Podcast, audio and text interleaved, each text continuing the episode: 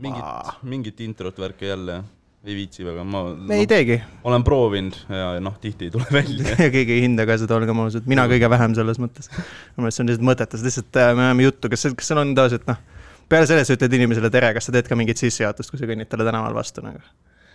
ega väga vist jah.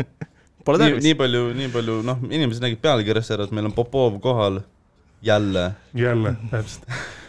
Dagmar Lamp mulle siin hiljuti kirjutas, et ma võiks endale varsti LinkedIni profiili kirjelduseks lihtsalt panna, et järjepidev podcast'ide külastaja. kusjuures täna ma mõtlesin selle peale, ma millegipärast ma guugeldasin su nime. ma Mm. olen varem ka teinud seda, aga täna jälle ja ridamisi lihtsalt podcast'e, kus sa käinud oled, et vot ma ei tea, kas sa oled siuke, kes, kelle odavalt kätte saab või sa oled lihtsalt see, keda kõik tahavad, et ma kõigepealt kahtlustan, et see on number üks, kuigi noh, muidugi oleks see tore, kui see oleks number kaks, aga aga ei, see on selles mõttes, mul on siiski täitsa ise olen ka mõelnud selle peale, et äh, see on tegelikult nagu sihuke väga, väga tore ja äge vaheldus, eriti kui nad on sellised erinevad, näiteks see viimane, kus ma käisin Võtame vabalt, esimene episood, ma tean, et mina olin esimeses, Jaak Madisson oli teises, ma olin jõudsin, noh. sedasi läks kõik allamäge. kusjuures parim on see, et noh, et vot siin ennem võiks olla, mõtlesime, et kas lahtine aken nagu segab või mitte. toda episoodi me filmisime Vana Villemi terrassil.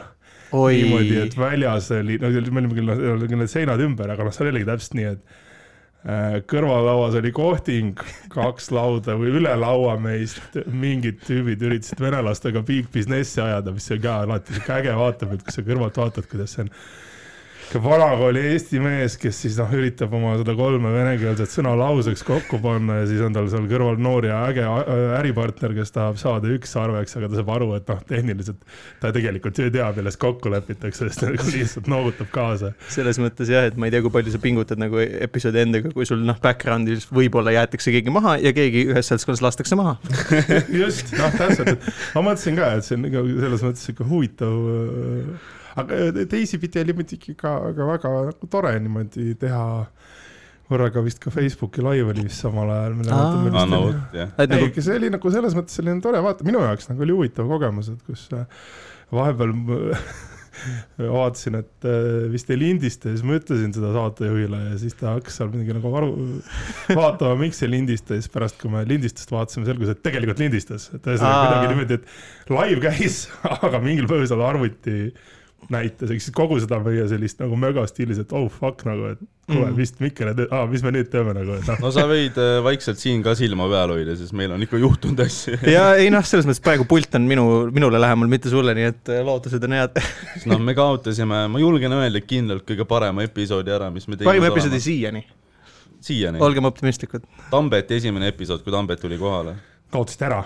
No- no, no selles suhtes, et noh, ta astus ütleme, nii, et ma ei saa öelda, astus et kaotasime pikendusjuhtme, vaid äh, astus pikendusjuhtme peale. see lugu oli ka noh, Ta soovis- astusin pikendusjuhtme nupu peale siis sellepärast, et ma tahtsin tulla Taurile näitama podcast'i ajal, audio podcast'i ajal videot, kuidas ma laulan Soome karaoket. I mean su noh, ütleme ja selles mu, selles mu viha soomlaste vastu. su, su ratsionaalne mõtlemine ei ole põhjus, miks ma seda podcast'i sinuga teen, selles mõttes.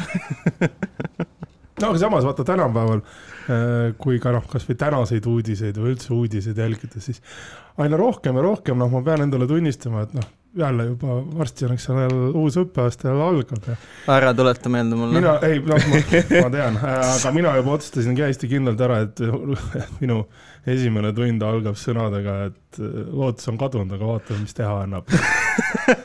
sest noh, selles mõttes, et me räägime kevadel oli see, kus noh, kui sa annad, noh, ma õpetan loogikat ja siis sa seletad, noh, üritad seletada kümnendika, kümnenda klassi õpilastele, et teate, et eesti keele oskus ja eneseväljenduse Jaa, oskus jaa. ja viisakus ja nii edasi on väga olulised siis nad saadavad lihtsalt üksteise võidu Kalle Grünthali kõnedest videosid nagu Riigikogus. ja sa oled selline, et no ma proovisin, selles mõttes, et ma üritasin nagu sisestada lootust.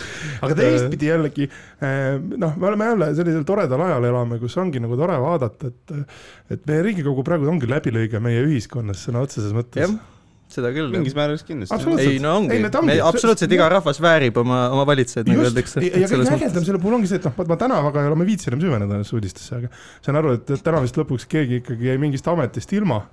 aga nii palju, kui ma olen süvenenud,, mulle tuli ka mingi notification. aga nii palju, kui ma aru sain, siis see ei olnud nagu see inimene, kes oleks pidanud ametist ilma jääma, eks härra minister on ikka edasi. mm..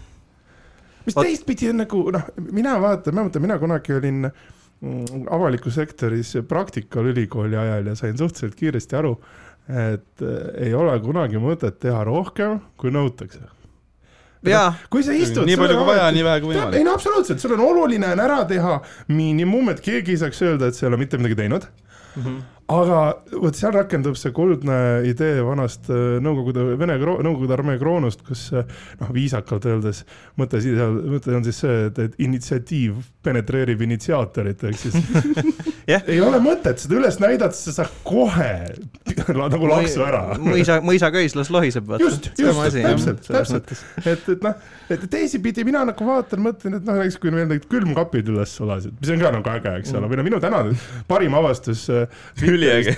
mis meenutas mulle neid külmkappe oli see, et keegi tegi postituse stiilis selle kohta, et see koroonapass, mida nüüd vist üheksandast augustist nõudma hakatakse mm. -hmm. et ma ei saanud aru, ma nii palju, kui ma oma IT-klassi haridusest mäletan, et ühesõnaga see on tehtud kuidagi niimoodi, et kui sa seda endale alla kuskile terasse hakkad alla tõmbama või isegi arvutisse, et sa saad seda põhimõtteliselt PDF-is seal mingeid asju muuta. aa, ok.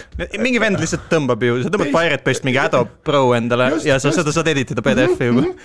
ma tean, sest ma tegin. mõte oligi nagu see, et, et kuulge, et, et noh, et, et äkki kuradi, et seal ma ei tea, teeks mingi asja keegi seal veel mingi Gigamer Pride vist noh, võttis ka sõna stiilis, et tüübid, et noh, vähe sellest, et seda asja seal saab noh, me saame Aleksandr Popovi asemel Vasse Ivanov kirjutada, siis on seal vist see, et, et ta mingite äppidega nagu süngib, mingitega ei süngi no,. ühesõnaga, kui asi on PDF-i põhiline, siis seal ikka omajagu auke on, et ma olen, ma tean seda omast käest, sest et kui ma Venemaale kunagi viisataotlust esitasin, siis ma muutsin oma PDF-i faili Adobe'is enne, kui ma sulle rääkisin ja ma sain riiki sisse mm, -hmm. palun ärge saatke Novitšoki. mida, mida, mida sa muutma pidid uh,? mul oli mingi see, et ma vist lisasin, vaata ametlikult on see, et sa pead näiteks pildi pead vist äh, kleepima nagu paberi külge, aga ma lihtsalt lisasin selle PDF-is ja printasin värviprinteriga välja ja mingeid asju muutsin natuke veel. siis vist ma panin mingi andme sinna valesti sisse ja mul oli see, et ah, ma ei hakka seda taotlust uuesti kogu asja tegema, et ma lihtsalt muudan mingi numbri ja vaatan, mis saab äh,. ei midagi ei juhtunud, äh, sain kenasti riiki sisse ja veel olen, veel olen elus. kus sa tegid seda konsulaadis, mitte äh,? ei, ma tegin seda vist üldse kool, ma tegin seda koolist, me läksime rahvatantsurühmaga ja kõik paberid esitati koos ja ma lihtsalt muutsin nagu koolis arvutiklassis muutsin mingi numbri ära. sulle nagu üleüldse meeldib neid rahvusvahelisi organisatsioone nagu nussida et seal Iirimaal oli ka mingi pull lugu nende viisa. aa jaa, see, kus ma ütlesin, et jaa, jaa, ma lähen karantiini, karantiini jõudsin, karantiini kohta jõudsin kolmandal päeval alles umbes. sest et noh, ma ütlesin, ma olen täiesti vaktsineeritud ja mul on kõik asjad olemas, et lihtsalt riik tol hetkel ei, ei tunnistanud seda. aga tulles korra tagasi sinu selle õppeaasta al alguse lause kohta, siis arvestades seda, et ma töötan nagu erivajadustega inimestega, ma arvan, et ei ole konteksti, kus ma seda öelda saaks tunni alguses. üsna kuri see oleks, see oleks nagu karm jah, sinu puhul, aga ma ei tea, samas võib-olla nad ei saa aru muidugi. et jah. aga, aga igatahes selle Twitteri postituse. soolahaava peale lihtsalt. aga ei, selle Twitteri asja puhul ma hakkasin mõtlema, et jabane, kurat kaks tuhat kakskümmend üks, eks ole, meie alles eelmine või mis jah, möödunud kevadel meie oma proua peaminister rääkis, pidas kõnesid selle kohta, et kuidas noh, digitaalne suveräänsus on oluline, kindlasti on mm.. aga samal ajal meil on kuradi vaktsiini külmkapp sulas ära, sellepärast et mingi kelo nagu ei suutnud kuradi temperatuuri näidikutel vahet teha.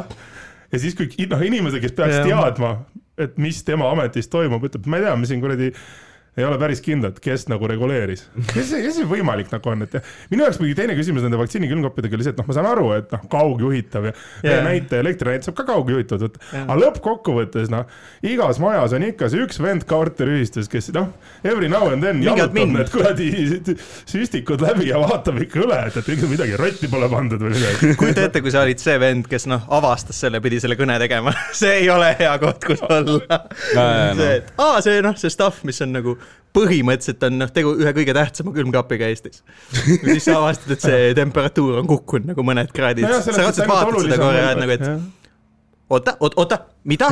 oi, ja siis teed selle kõne muidugi üle, palju sa kaotasid, no tead, ei no mitte väga palju, noh. nagu Tim Reedi sai selle külmkapi seadistamisega hakkama nagu. noh ma eeldan, et sul peab nagu mingisugune kompetents olema, kui sulle antakse mina nagu. pean siin nagu olen jõudnud järeldusele, et. ma nagu eeldan või? no ja mina eeldasin kunagi ka. ma olen muidugi optimist. kui sa oled töötanud avalikus sektoris, siis sa tead tegelikult, et ei ole ei. mingisugust otsest no, kompetentsi väga vaja. meil võiks nagu julgelt algatada programmi nagu, et saamatud ühinege, et, et kes tahaks järgmisena proovida ja seadistada külmkappe või midagi mis on nagu see, et okei okay,, ma saan aru, et, et ja et, et noh, või teistpidi samamoodi.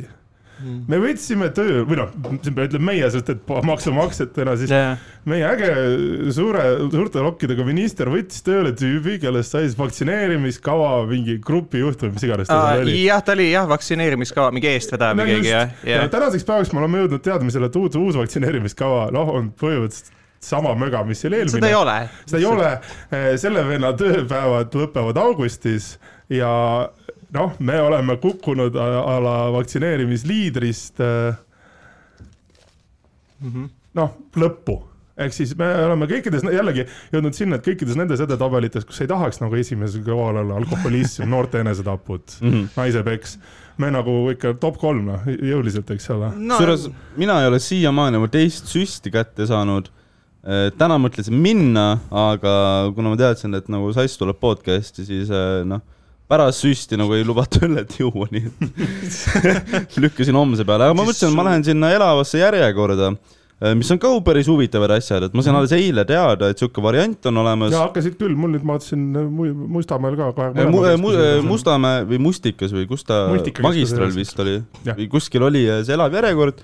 praegugi peaks käima, rahvas peaks seisma seal hmm. ja mõtlesin sinna minna, aga samas ma hakkasin vaatama, et kogu see list, kus need, kus need elavas järjekorras asjad toimuvad, et osad on nagu, lähevad juba veits koomiliseks, et mõned annavad seal Selveri kinkekaarti esimesele mm sajale ära, et ja. inimesi vaktsineerima saada vabandust, aga kas meil ei ole nagu ülinakkav viirus, et kas nagu üks koht, kus me võib-olla ei taha, et inimesed seisavad, on äh, elav järjekord näiteks või midagi? hea point ka jah.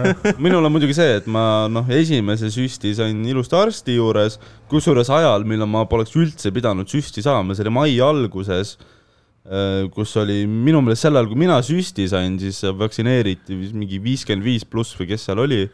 aga mingil põhjusel ma läksin digilukku, kirjutasin oma andmed sisse, öeldi, et tule kohale ja ma siis läksin. no ja, ja anti... mina olen ka ammu juba selle peale mõelnud, noh, et selles mõttes, et noh, loed ja ma saan aru jah, et on haldused ja värgid, aga minu arust me oleme praegu olukorras, kus haldamist on liiga palju, et noh mm. juba siis kohe, kui teki-, tulid enne, enne kui vaktsiinid jõudsid üles sulada. Mm.. minu loogika oleks mulle olnud see, et lihtsalt toorelt nagu ütled nii, kes tahab vaktsineerida sina tahad vaktsineerida, tule siia, sina ei taha vaktsineerida.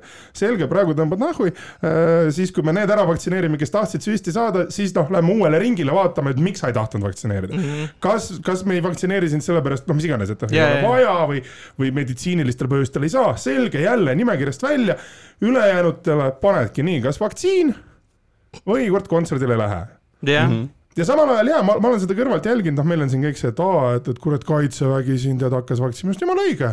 okei okay,, see, et on linnalubadega üle lasti, noh, nõka mm. toores vaktsiin käes, noh, kooli, kooliõpilastega minu meelest oleks tulnud juba eelmine kevad, kui mm. nad tulid, et davai istub nüüd, noh, ma räägin, et see on nii naljakas mul mõelda üheksakümnendatel kasvanud kutina, et, et me kuradi iga nädal said mingit süsti kooliaja juures, keegi ei mm -hmm. teadnud, mille vastu see oli. jaa, sama ja oli, kõik seisid klassi kaupa järjekorras, lükati sulle see pauk õlga ära, noh, umbes öeldi, et mina mäletan seda, mina mäletan seda, et tunni ajal tuli, äh, tuli ja, täpselt, äh, see täpselt kooliarst tuli klassi, kes tahab süsti saada, minul esimesena käsi püsti, et ma, ma ei taha Pythagorast teha. mul oli sama jah, et see, et viis minti vahetunnile lähemal. ma ei pea vastama, kui ma lähen esimene süsti saama. kusjuures mul on sõber, kes äh, töötab Scoutspataljonis ja neile öeldi, see oli nüüd jälle kuskil kevade poole, kui ta rääkis seda, öeldi seda ka, et äh, vaktsineerimine on neil vabatahtlik, aga väga rangelt soovituslik mm. -hmm. ja minu meelest jumala õige nagu, et äh, ja siis on see kisa on vaata ka, et äh, alles hiljuti lugesin, et äh, kas see oli Saku õlletehas, kes tegi äh, nüüd vaktsineeritutele andis mingisuguse lisaõigusi või vabast mm, -hmm. vabadusi, mida iganes mm. -hmm. ja siis oli kommentaarium oli kisa täis, noh, et need on ju eriõigused ja see on, see pole võrdle kohtlemine, aga minu meelest on kõigil võrdne õigus saada vaktsiini ei no mina nagu olen seda kino siin juba aastakese kõrvalt vaadanud ja noh liht-, lihtsalt öeldes on see, et, et kõik need, kes karjuvad, et neil on põhiõigused, võiksid võtta põhiseaduse lahti, põhiseadus.ee on kommenteeritud väljaanne, täiesti tasuta kättesaadav. kommentaare ei viitsi lugeda, siis võta Riigi Teatajast Eesti Vabariigi põhiseadus lahti. Ja soovitan lugeda seda osa, mis mainib äh, põhiseaduslikku kohustust. Mm. et ja ma ei vaidle vastu ka sellele, et, et iga inimene, kes leiab, et tema põhiõigust on rikutud, tal on selle jaoks on loodud Eesti Vabariigis vastav instants, kohtumenetlus mm, -hmm. kuhu saab pöörduda?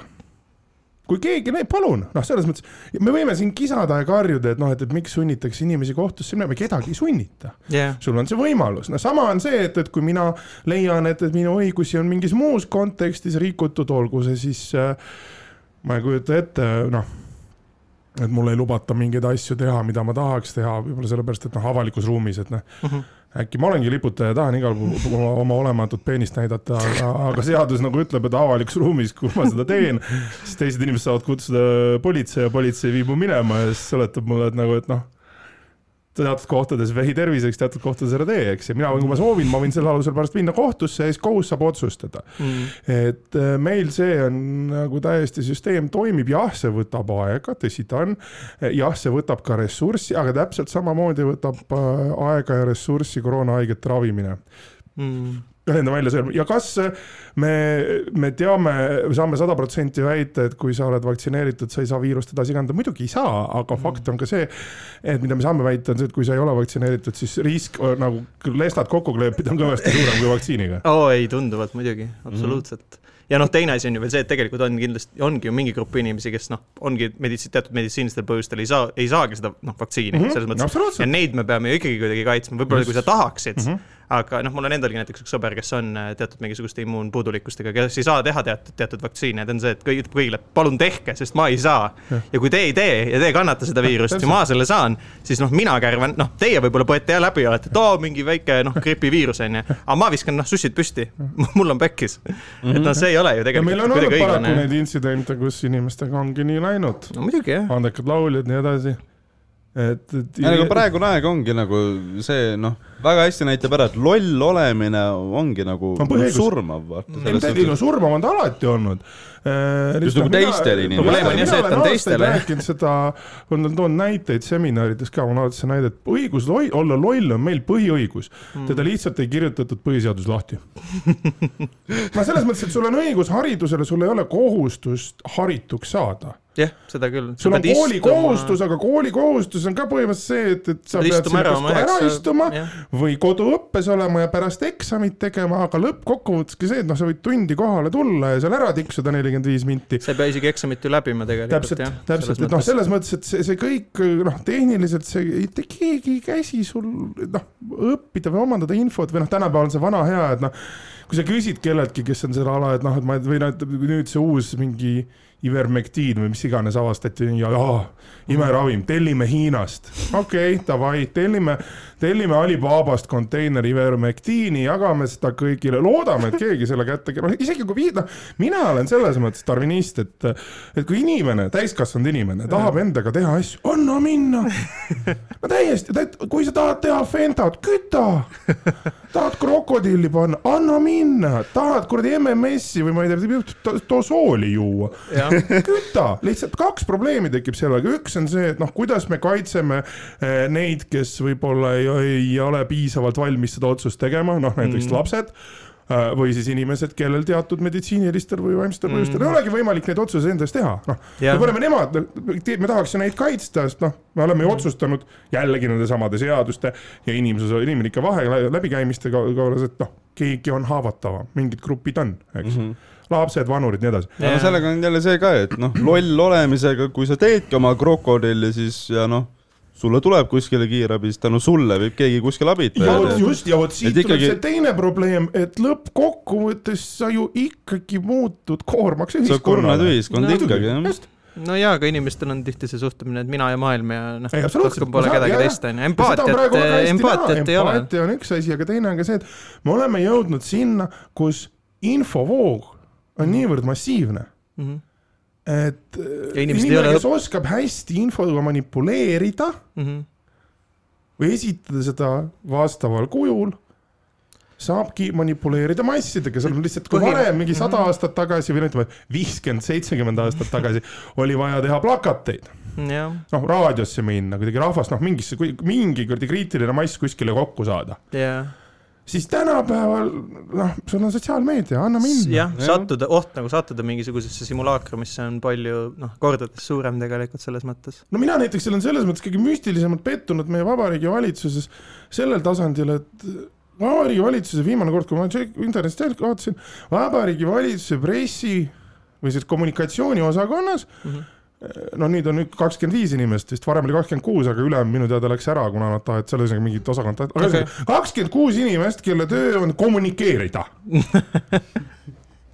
ja aasta aega ma istun ja mõtlen, et mida te teete. see on üsna masendav küll. ja siis, aga samal ajal on videod, mingi tädi on kuradi Ülemiste keskuses, röögib, siin ei ole islam.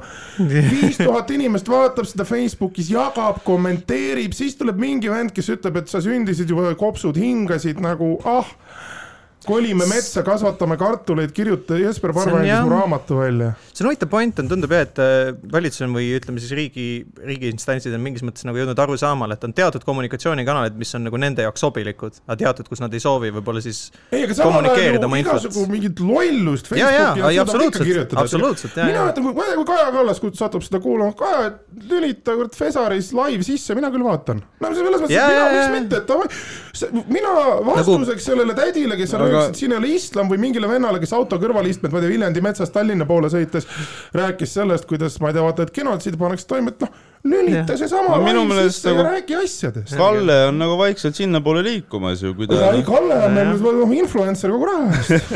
jah, ja varsti on vaja peaministrit, kes teeb omale Tiktokid ja kusjuures, kusjuures ma olen äh, Tiktokis vaatan ringi küll vahepeal ja Keskerakonnal ja sotsidel on noortekogul Mm -hmm. on ja Oudekki Loonel ka mm.. Oudekki no. Loonel teeb ise kusjuures igasugused päris huvitavad linnak kusjuures ma ise olen fänn juba. noh, me peame kommunikatsiooniga kaasa, kaasas käima, jah, selles mõttes, et kui, kui meil las need kakskümmend viis tüüdi seal või seda inimest selles osakonnas siis panevad oma pead lõpuks kokku ja mõtlevadki välja, noh, kuidas mm -hmm. kommunikeerida nende platvormide kaudu niimoodi et see oleks noh, nii-öelda maitsekas, et noh. jah, selles mõttes küll, jah, nõus, absoluutselt sest noh, kui neid ei kasutata, siis. kui inimesi vaktsineerima saab sellega, et mingid kuradi riigijuhid teevad endale OnlyFansi, anna minna, noh. selles mõttes, et, et kui me riigi kukub sellega surmadest päästame no, edasi. see on kindlalt väärt. eesmärk mõjendab abi, noh. jaa, no selles mõttes. no see ei ole isegi mingi nii hull asi. jah, et aga, et noh, teisipidi noh, ongi see, et, et jälle meil praegu kuradi ala eest vastutav minister jätkuvalt soigub midagi, et oh, me siin ikka üritame ja tahame välja mõelda kevadest saati eraettevõtjad on rääkinud, et tule, noh, mingi alles mm. viimati, mina siin lugesin, mul keegi tuttav töötab Protos, noh mm -hmm. jagas, et me oleme nõus. tulge meie ruumidesse vaktsineerima, saate tasuta pileti, noh, mis iganes, kui see toob inimesed kohale no anna sellele ettevõttele see võimalus, ei mm, -hmm. meil kuradi riik on seda, ei, me saame, saame ise hakkama, no ei saa. ei no. saa jah, ei saa. kuidas see niimoodi, et, et me. kas te saate ise hakkama, kui te peate Selveri kinkekaartidega inimesi nagu vaktsineerima? ei saa, nad ainus inimesed saavad hakkama, see koperdavad külmiku juhtme otsa, ongi kõik no,. ja samal ajal sa mõtledki selle peale, et kurat, et noh, et me oleme nüüd jälle kolmandat korda ringiga tagasi seal, et, et põhimõtteliselt sügisel me paneme jälle kõik kord lukku või noh, juba algab see ah. pihta, nüüd on siis nüüd see ja. sõda, et, et. täna vist peaksid juba maskid peas olema bussis minul oli bussis mask peas, aga teistel ei olnud. juba ja, ei no aga see on jälle see, et, et noh, me raiskame ressurssi sellega, et noh, mingi mupo peab ja käib nüüd kontrollib, alles siia jalutades nägin, kuidas mupo tädid andsid mingile kahele noorele kutile, kes bussist ilma maskita välja tulid, andsid need maskid mm. -hmm. kohe, kui tädid hakkasid edasi jalutama, siis kutid näitasid neile keskmist sõrme, viskasid maskid maha, tallusid nende peal, tegid sellest video, ju vist läheb Youtube'i, ma ei tea. tõenäoliselt jah. noh, aga, aga samal ajal sa mõtledki, et nagu, et aga noh kaua me neid ringe nagu teeme, et, et ma jällegi suurem asi nagu majandusteadlane ei ole, aga mm -hmm kus me selle raha võtame, et see kõik kinni maksta? jah, tõsi ta on, eks. noh, selles mõttes, et meil praegu mõtled, noh, suvel siin alles ringi käinud, tuuril käisime. ega selle koroonaga nagu raha juurde just ei just, teki aga see on kõige müstilisem, ma just mõtlen siin nagu tuur, just lõppenud tuuri valguses sõitsime Eestit ringi. siis no kurat mõnes kohas oli ikka niimoodi, et noh, näiteks ma käisin Rakveres mm. pubis söömas ja vaatasid praehindasid ja mõtlesin, et kurat, et noh, ma saan aru, et on nagu raske aasta olnud yeah,, aga yeah. aga kus need inimesed sinu arvates, kes nagu on ka aasta aega töötud olnud, raha võtavad mm? -hmm. jah, seda selles mõttes, et äh, küsida ju võib, eks no. aga mingi hetk nagu nende, nende inimeste tulv saab suht kiiresti otsa, kellel on nagu... raha anda ja noh, mina ütlen see, et ma käisin, sõin oli hea toit, aga noh, nii päevast tagasi ei lähe. nojah, ja pluss vaatasid ringi, kui palju neid inimesi seal oli tegelikult, eks. varesid oli rohkem äh,. väliterrassil seal ei jäägi, noh, reaalselt. no vot, see ongi, et. nagu kuradi Ämari lennuväljal, noh. et sa, sa võid küsida, aga kui sul ikkagi noh nõudlus on, ütleme, aga kui sa pakud ikka nii kõrge hinnaga, siis ei ole midagi teha selles mõttes. kui sul on seal ikkagi rahvas, siis jumala eest noh. küsi, jah. absoluutselt jaa, aga ma räägin, et see rahvas, see mingi hetk nagu see rahvas saab otsa. et praegu ongi see, et võib-olla teistpidi noh, mõneks ajaks jälle kinni minemine, noh, siis tõstetakse jälle hindasid, aga aga mingi hetk nagu ka riigi poole pealt ongi nagu see, et, et noh, seesama küsimus sellest, et, et kui kaua noh, et, et nagu sa just ütlesid, et, et ega ongi see, et me oleme kolmandat korda hakkame kinni panema ja rahval nipub kopp ees ei, täiega, täiega. ei muidugi. ma ei taha, ma tahan, ma kuradi, ma juba jälle taaskord noh, eh, mõistan, et alles ma sain kuradi tumedast august oma vaimse tervisega välja, aga põhimõtteliselt kohe ma hakkan jälle kuradi, ma ei tea, ennast voodi külge kinni siduma, et ma aknast välja hüppama asendades, sellepärast et mul on ka kopp ees, ma tahaks teha. vot see ongi jälle see, et kõik jauravad, meil on siin õigused ja värgid, kurat, no minul on ju ka õigus oma elu elada. ma tahaks ka nagu oma õpetajatööd teha, ma selles mõttes, mind ei ole välja koolitatud olema noh, selles mõttes täielikult mingi digitaal, digitaalsel viisil töötav õpetaja. hakata ma oleks. jah, täpselt, ei ole see, et ma tahan olla, et tere tulemast, täna on jälle meie kella kahene live stream stream. ei no just, üks on see ja teine on ka nagu see, et, et seesama, et noh see ei sobi ka ju. noh, üks on see, et see, seda on keeruline teha, teine on see, et sa ei saa nagu edasi anda seda, mida sa tahad. ja nii palju noh, meetodeid, mida sa ei saa kasutada digi digitaalsel viisil mm -hmm. ja nii palju õpilasi tegelikult, kellele see ei sobi ja kellega sa tahaksidki noh, selles mõttes seda noh, otsest kontakti saada. ja selles mõttes tulemused on täiesti näha, et kasvõi kool, kus ma ise töötasin, on, ma rääkisin no, mingite õpetajatega, et noh, kuidas teil siis see seis on mingitel õpilastel ja vist oli vist, oli äkki klassiruum, kus kolmekümnest õpilasest tunnistuse sai äkki kaksteist või midagi mm. sellist. Mm., ülejäänud kukkusid läbi. Mm.. nüüd see ei ole nende süü, see ei tähenda seda, et nad olid mingi laisad ja et ai, keegi ei viitsinud õppida, kuigi on ka neid õpetajaid, kes on see, et oo oh,, nad olid laisad, kui sa oled see õpetaja, siis tead, sa võib-olla ei peaks seda tööd tegema. Äh,. aga nagu see on tegelikult näitab seda, et siis järelikult meil on ikkagi terve tropi õpetajaid, kes ei ole kohanenud selle distantsõppega absoluutselt. aga sinna juurde ka see, et kui sa mõtled noh, meie õpetajaskonna keskmise, keskmise vanuse ja Äh, või noh, noh yeah. ja ja siis äh, juurdekasvu peale, siis noh, teistpidi sul tegelikult ju ongi nagu see, et, et kui sul on seal keegi tore proua, enamasti on see proua, seepärast mm. mees õpetajaid on kõvasti vähe mm.. ja, ja noh, mina oma kolleegide hulgas vaatan, et ega noh ma saan ka sel mingil määral neist aru, et noh, kui sinu jaoks arvuti on, on muutunud aastatega selliseks, noh, ta on küll abivahend, aga ta on selline vajalik kurjus sinu elus, et hea meelega noh, käiks oma paberi selle mm -hmm. iga aasta, aasta alguses täidaks oma päevikut ja lappaks sellega ringi ja võtaks sinna allkirju aga okei okay,, noh, sa harjusid ära e-kooliga, eks ole yeah., sellised asjad, aga nüüd järsku sa pidid noh, põhimõtteliselt ka noh, ööpäevaga äh, mm -hmm. muutma kogu oma elu, mitte yeah. ainult see, et noh, kõik need sinu materjalid, mis sa oled, kõik sinu märkmed, mis sa oled teinud, noh, ma olen yeah. kümne aasta jooksul, mul on hunnikus yeah. igasuguseid mingeid märkmeid, asju no kuradi, kus ma võtan nüüd see aeg, et hakata neid kõiki ümber trükkima. jah, ja, ja ainus tugi, mis sa saad riigi poolt, on see, et me oleme tänulikud oma õpetajaskonnale no okei okay,, aga kuule, ma tahaks saada nagu tuge või äkki tead seda, noh, raha võiks ka saada. Minu jaoks kõige naljakam on siiamaani mõelda, et mina ütlen ausalt, mina olen meie praegusele haridusministrile ühe korra isegi kirja saatnud. Mm kevadel saatsin kusjuures täiesti, mul oli, ma olin nii vihane ja kuri ja väsinud vaimselt ja ma, ma ei, ma ei osanud enam midagi muud teha ja mõtlesin, et kurat, ma proovin seda demokraatia värki ja võtsin haridusministeeriumi kodukalt ministri selle emaili ja kirjutasin oma erakontolt talle lihtsalt pika kurbliku kirja sellest, et kuidas ma varsti endale sõlme kaela panen, kui midagi ei muutu mm.. ja kolm päeva hiljem käivitati õpetajate vaimse tervise nõustamise liin, nii et võib-olla midagi sealt tuli. lõpuks tehti no, jaa, see, oleks võinud olla kohe alguses olemas, mitte pidanud, see, noh. no see oleks pidanud juba enne olema. minu meelest see liin võiks olla ka siis, kui meil ei ole ülemaailmset pandeemiat, vaid. kui ma saan iga kord, kui ma tulen reedel koju kolme paki kontoritöödega, mul on vaja vaja seda liini, usu mind ja, ja, ja, ja, ja, ja kuradi mingit Liviku aastakaarti vot see oleks äh, jah, seda küll jah. sest et noh, see ongi ju vaata täpselt see, et samal ajal nagu ma mõtlen, ma just äh, siin ise aastaid kõrvalt jälgides äh, olen mõelnud selle peale, et noh, kui sa mõtled, et üks on see, et noh, õpetajad pidid, kõik pidid muutuma, noh teine mm. samamoodi. inimesed avastasid ühtäkki vält, väljaspool Tallinnat, kõigil ei olegi internetti ja arvutit või vau, noh. Seda oli mul nii äge oli enda tutvusringkonnas seda kohati näha, kus inimestel noh, reaalselt sa nägid seda segadust ja paanikat silmadest, oota mm., aga miks neil ei ole, no võib-olla sellepärast, et neil ei ole tööd või võib-olla neil on, või siis on see variant, et neil on, neil on kolm, kolm last ja, peres ja neil on üks arvuti, kuidas nad peaksid, kuidas saad eeldada, et inimestel mm -hmm. on neid nagu mitu? siis oligi see, jaa, ja täpselt ja, ja noh, ja tänase päevani tegelikult ju, kui noh me ei ole seda olukorda lahendanud ja eraettevõtted osad aga ma ei ole kursis, aga mis sa, mis sa teed nende lastega, kellel ei ole arvutit?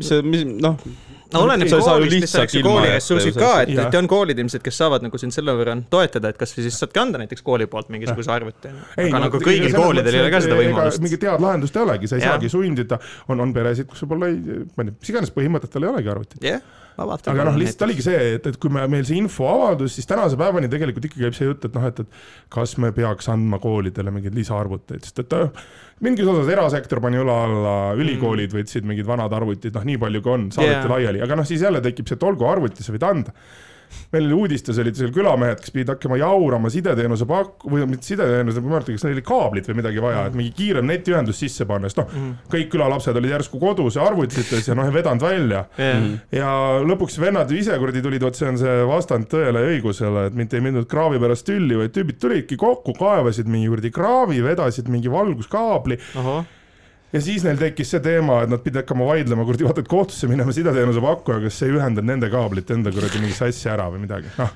Okay.. aga siis mehed olid sellised, et nagu, et kurat, me tahtsime saada teilt mm. kaablit, te ütlesite, et ooteaeg on mingi milleenium.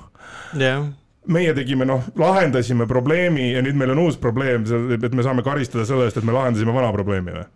või noh, minul ikkagi rääkides kuradi riigi suutlikkusest kui tuli, tuli välja siin kevadel mm., et Eesti digiriigi suurimaks vaenlaseks on rotid, kes närivad kaablit läbi siis mina istusin kodus ja mõtlesin, et kuradi, kas, kas ma olen alternatiivsesse reaalsusesse ennast joonud või?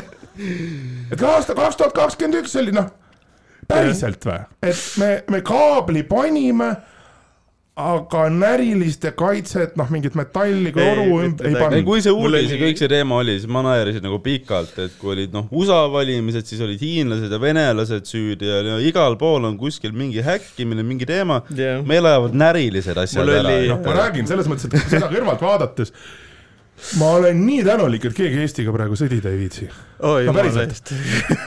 sest see... noh, mina kurat äh, reservi arvatud kaitseväeteenistusealise mehena nagu ütlen, et äh, kui madinaks peaks minema, siis ma ei kujuta ette, mis ajaks ma varustuse saan, kui rotid seda juba ära pole söönud ei no aga see, see, see ühelt poolt on naljakas, teiselt poolt on kurb, noh sest praegu me, me oleme kõik no,. ei, aga see on reaalne probleem selles suhtes.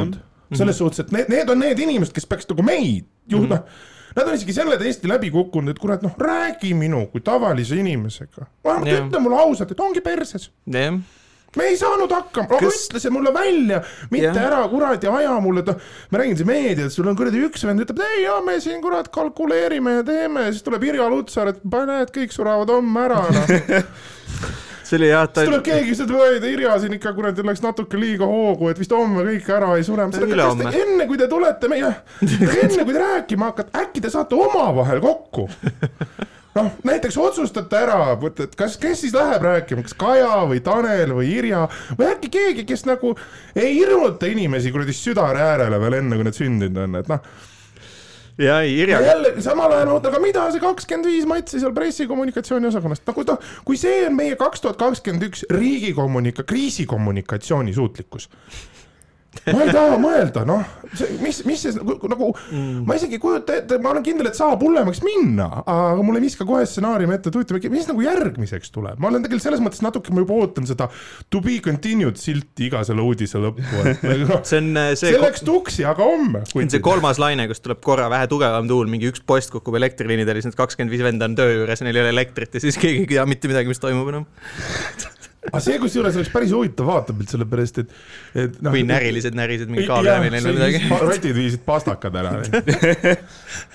mis noh, selles mõttes ongi see nagu noh, teisipidi jälle mõtle, aga nad saavad ju palka selle eest noh, ja, ja ma ei usu, et see väike palk no on. nad teevad nii vähe kui võimalik, aga mitte ja, nii palju ja, kui vähe. no aga vot, aga noh, minu meelest praegu on nagu see, et, et kui see on see nii vähe kui võimalik, mis on nagu nende aktsepteeritav miinimum, siis tea, mis see, mis see, see maksimum võib olla, eks? ma ei kujuta ette, samas on see ka tihti vaata see, et nendel inimestel endal võib seda tahet olla, aga kui ka neil on inimene, kes ütleme, neid manageerib ja sellel on noh, see ja see ei oska neid lihtsalt juhtida ka ja see ei anna, ei ole, ütleme, neile andnud ka mingit, ütleme, tööülesandeid või teist poolt ka seda autonoomiat, et üldse mm -hmm. ise otsustada mingeid asju, siis ongi tegelikult tulemus käes, et nad teevadki seda asja, mis neile on ette antud, see võib-olla see miinimum ja ongi kõik. ja, ja siis seda, ei ole, siis jääbki see. ma mõistan seda ka, aga no siin mm. jälle mina siis tahaks lihtsa Eesti Vabariigi tööinimese kodanikuna näha seda, et noh, jällegi, et proua peaminister, et noh, öelge siis mulle, mis ta mm., mina jaksan siin. tegelikult see on ju, see on suht sarnane teema nagu nende õpetajate, õpilastega, et see on kõigi jaoks nagu uus olukord ja keegi ei tea täpselt, mida teha, aga siis noh, ütlegi vaata, et. no jaa, aga vaata. meil see olukord on kestnud nagu poolteist aastat ja, ja noh, vot siin jälle see naljakas lugu on see, et, et kui need viimased äh, Riigikogu valimised olid ja siis see kis-, alguses oli ahaa, tüdrukute võit ja järgmine hommik olid tüdrukud lasti üle koos võiduga ja kuidas ja siis avastati, et Eesti Vabariigi president siis valib, kellele ta teeb ettepaneku peaministriks hakata, see palju sa hääli said, ei noh, selles võrrandis rolli ei mängi mm.. ja siis kaks aastat, noh jaa, oli igasuguseid toredaid ja vähem toredaid juhtumeid. aga nüüd on nagu see, et noh, see on jälle see jutt, et noh, need inimesed tulid ju ametisse jutuga, et me tuleme, me manageerime, me oleme ja, ja nüüd te olete kuskil mujal. mul on jah. täis haud, vaikus noh, Jüri nagu... vähemalt vabandas iga päev. jah, ma ei tahaks nagu uskuda, et, et Kaja Kallas on nagu nii halb peaminister, kui ta kommunikatsiooniosakond suudab näidata, et ta on. ei, ma, mina ka ei usu, ma, mina, ma siiralt ei usu seda, ma olen täiesti kuulete, olles kuulnud ta mingeid sõnavõtte ja, ja intervjuusid, ma täiega selge, selge, ei no aga mina mäletan Kaja Kallast nii Eesti Vabariigi Riigikogus kui Euroopa Parlamendis ja tegu on täiesti no, kompetentse haritud inimesega, aga kuidas ta on nagu see, mis mind nagu, mis mind kurvaks teeb, et noh, Kaja, räägi minuga, noh, et, et selles, et see ongi seesama, et, et noh jah, olukord on halb, aga siis tule ütle see sirge seljaga välja, ma austan sind selle eest mm. -hmm. Ja selge on see, et, tal on vaja tegeleda mingite asjadega, mis on jäänud eelmisest valitsusest, selge on see, et noh, keegi tal ja, ja teisipidi on ka selge oli ka see, et ega keegi ei annagi talle armu, noh. no see on võib-olla sellepärast ka kogu see teema, et noh, nii kõikidel, kõik inimesed ei hinda seda, kui sa ütled neile ausalt, et perses on. absoluutselt, aga teisipidi on, on nagu see, et noh, lõpp, lõpuks ta on ikkagi poliitik, vaata. ja, ja, aga see ongi see poliitika osa, et sa pead siis kuidagi kas, kas andma narratiivi, mis sa tahad, et inimestel oleks mm. Või äh, mingi hetk ikkagi noh kui sa ainult vait oled, siis tekibki see, et kui on alternatiivsed narratiivid, mis elavad mm. nagu praegu yeah. noh, kui meil ennem oli see, et haiglad on täis kuradi nukkusid ja tegelikult koroonat ei ole olemas, siis nüüd meil on kuradi Silve Ilvese tšellovõlud ja hakkame kuradi ivermektiini süstima ja siis lähme riigi vastu kohtusse ja nii edasi, nii edasi, nii edasi mm.. aga sinna vastu riigijuhtidelt ei tule mitte midagi. jah siis noh, mul nagu tekib see küsimus, et mis, kas, kas nad on, kas nendega on kõik korras kus te olete või noh. peaks minema Toompeale vaatama. ei no jaa, jaa, ei no, ei no täpselt jaa, noh ta tahaks Stenbocki majja minna kuradi küsida, tere. olete tööl või? proua peaminister, kas käinud on või, või noh, on, kas ta, kus ta läks? on vaja live stream'i sinna. vaata nagu see, vaata nagu see kotkaste kaamera, peaministri kaamera, et kes tööl on, kes teeb midagi parasjagu. ei no samas, see on nagu see, et nüüd vaata omal ajal oli, miks Riigikogu istungite ülekanded ära lõpetati, et minul on alati see teooria olnud, et kaua seda tühja saali vahid jah, seda küll. piinlik ka, noh, näid, noh, inimesed ja siis on alati need mingid vabandused stiilis, et ma pean esindama, eks sa pead istungil ka olema. tähendab, kui keegi on käinud Riigikogus vähegi mingil ringkäigul, siis kõik teavad, et neil on oma kabinetid, kus on ja. need nupud on ka olemas mm. -hmm. Muust muuseas on tavaliselt üsna mõnusad kapid, kuhu saab panna ka erinevaid joogikesi ja muid selliseid asju mm. -hmm. seal saab väga mõnusaks teha endal vahepeal selle istumise, saad lausa istungit vaadata telekast ja sa mm -hmm. põhimõtteliselt nagu oled äh, nagu mingi Rootsi laeva kajutipidu on sul seal. absoluutselt sama asi noh. oled nagu riigikogulane Milling, tõmbad ennast lätre ja siis hakkad kuradi sõna võtma kell kaks öösel. ja need riigikogulased on ka igast pulli teinud meil siin viimasel ajal. üks ajas alla vahepeal peaaegu kellegi. ja no sõidavad siin, siis noh, see oli küll. Aga sellest kutist pole ka ammu midagi kuulnud, see pidi siin oma mingi kuningriigi välja kuulutama. aa, see või, see, kes ütles, et ta saab järgmine peaminister, jah? ja, ja, ja, ja, ja, ja. ma peaks selle vennaga ühendust võtma. mul on, mul on, mul on, mul on siin podcast'is noh, teooriaid olnud, mida ma võiks teha, kui ma Eesti noh, üle võtan, et. no ei, kuule, teie selle vennaga kahasse, ma arvan, oh raisk, see oleks kõige kuulatavam asi kohe peale, ma ei tea Joel Ostrati suurt õhtusööki jah, Vox Populi Evil kaks. no miks mitte, ei no sellest ma räägin, noh meil ja see on ka nagu tore, mis praegu vaadata, et Superstaari saade ma kuulsin, tuleb varsti jälle, see on fantastiline, ma küll ei kujuta ette, kuidas nad seda hakkavad tegema, et see on ka hea küsimus jah, et. sest vaata jälle noh, sest kaob ära see kõige põhilisem osa, mida me kõik ju tegelikult tahame Tändab... Superstaaris näha, eelvoorud. jah, täpselt, kedagi ei huvita see. Need... see, need, kes laulda oskavad. Viige nad ära, ma tahan näha. ma tahan Kasantšoki Jüri näha ma tahan taskukeskuses suurt live stream'i, kus noh, otse objektilt, kõik need vennad, ma tahan neid tüüpe näha. tahame idioote näha. jah, just, just noh, neid on muidugi, vaata tänapäeval on see selles mõttes, noh, et ma ei viitsi neid lugeda enam no,, ma tahan neid laivis näha. jah, nad on ikka hämmastavad kujud küll, selles mõttes. no ei no muidu absoluutselt. ei no aga, aga vaata, aga see on, see on, see on see Eesti, noh vaata, kui ma tahaks näiteks neid vanemaid näha, kes, vaata siin alles oli see uudis, et mingid vanemad suutsid ennast nii täis juua, et tunnustasid lapse koos vankriga õue. noh, mingi möödujad leidsid lapse kuskilt puu alt, kutsusid politsei, noh, laps viidi vanematele tagasi, miks? Või no okei okay,, ma saan aru, miks, aga mul on nagu see ta oli üksi et... omapäi, see oli palju turvalisem kasvukeskkond, ärge viige teda koju, jätke ta omapäi. las ta sõidab ringi seal oma vankriga. selliseid inimesi ma tahaks, mul, mul tuli selle uudisega meelde nagu erinevad olukorrad oma turvamehe elust, kus oh, jumal, on ka ikka, noh, et küll on, sa otsid seal mingeid lap-, jälle noh, lastega on see ju äge, et, et noh Nendega peab oskama kommunikeerida. kas sa oled olnud turva kunagi kuusteist pluss pidudel või, või just nendel, ei, ei ole? okei okay,, siis sul on vedanud, ma olen mõelnud, et sealt sa saad ilmselt päris mingid noh. ei no see on teine teema, see käib suurüritustel, see on nagu, et see kuidagi, et vaata minule ei mahu see koha pähe, et, et noh. ma olen küll ise lapsevanem ja võib-olla, kui ma kunagi lapsevanemaks saan, siis mul on ka üks hetk no nii savi mm et või noh, et ma tahaks nii, nii väga lihtsalt olla, ilma et see laps must kogu aeg midagi tahaks mm. et ma noh, viingi ta kuskile lauluväljakule, lasen lahti ja siis mine vaata teisele poole laulu. selles, selles suhtes päriselt nagu tehakse ka, ma olin äh, Beach Grindil olin äh, turva just, äh, mis toimus paar nädalat tagasi. ja siis noh, seal oli ikka näha neid inimesi, et no lastigi platsi peale lahti ja nüüd noh. ja siis ruttu peitu õlletõlgi taha, enne kui ta mu kõrvalt üles läheb. aga lastega on selles mõttes äge, et, et mul just ägedamaid kogemusi oli see, kuidas me üks väike, väiksel tüdrukul olid ema ja isa mõlemad kadunud. Hmm. Aga ta noh, ta ei olnud väga morjendatud sellest faktist, aga ta, ta ükskord kavastas, et tal on kõht tühi ja tal raha ei ole ja noh, et eks ole. praktilised äh, kaalutlused. absoluutselt. Ja, ja siis ta tuli, leidis, noh, leidis minu ja siis hakkas, küsis, et kas ma aitaksin tal vanemad üles leida, ma siis olin lihtsalt noh, et okei. Okay.. ma mõtlesin, et äkki sa teed seal purksi välja? no sellest ei, ma, ma vahepeal kusjuures olin suht lähedal, sellepärast et meie kommunikatsioon oli noh, umbes nagu praegu valitsusel, aga natuke rohkem rääkimist.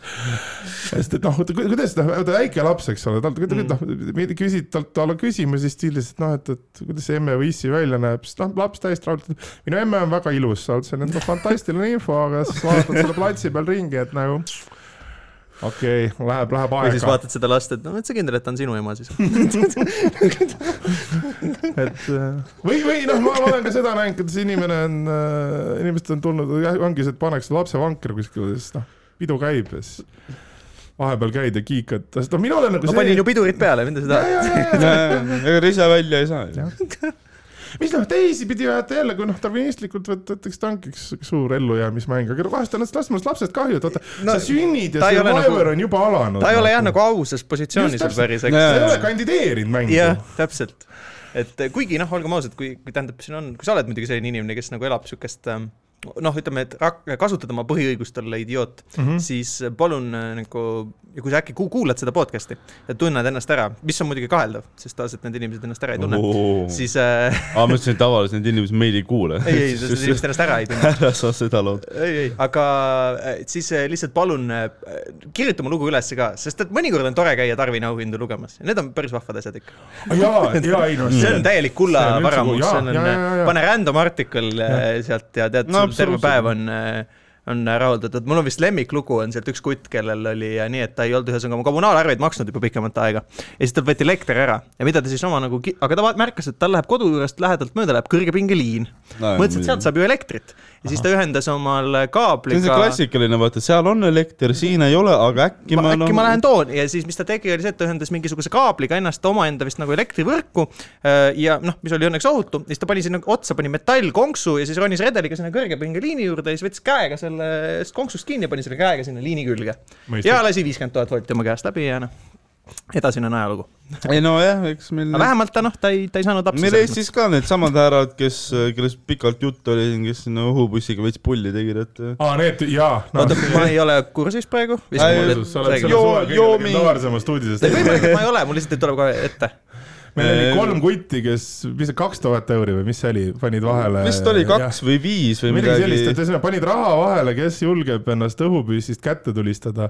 kõik kolm tulistasid aa jaa, okei okay., see kõlab tuttavalt ette küll. kaks, kaks said uudistesse ka noh. ja nad on, need olid päris uhked ka endal ikkagi pildid ja värgid olemas. ma sain, ma sain siin äh, Facebooki kommentaaride järgi aru, et tegu, tegu on asumiga, kus selline tegevus, noh, tuleb suht nagu kromosoomide DNA-ga, DNA-ga kuradi suguvõsaliini pidi kaasa, et et noh, see on üks nendest ilusatest teise Eesti kohtadest, kus sa noh. noh, terve, terve küla ongi üks suguvõsa tõenäoliselt. arvatavasti, suure tõenäosusega see, noh, see, et kui sa vaatad oma sugupuud ja vaatad, oo, see on ring sugu, küla aastapäev on ühtlasi suguvõsa kokku. ei no aga tegelikult vahepeal on ikka päris nagu noh enda mentaalses mõttes nagu tervislik neid lugeda, et noh, et mõtled ikka, et türa ikka mul on kurat hästi läinud tegelikult, on ikka antud seda. teiseks sa saad aru, et et noh, kui pikk tee sul veel kukkuda on? ja et noh, et ikka noh, tähendab, ma võin nagu aastaid veel noh juua odekolonni ja tõenäoliselt on korras.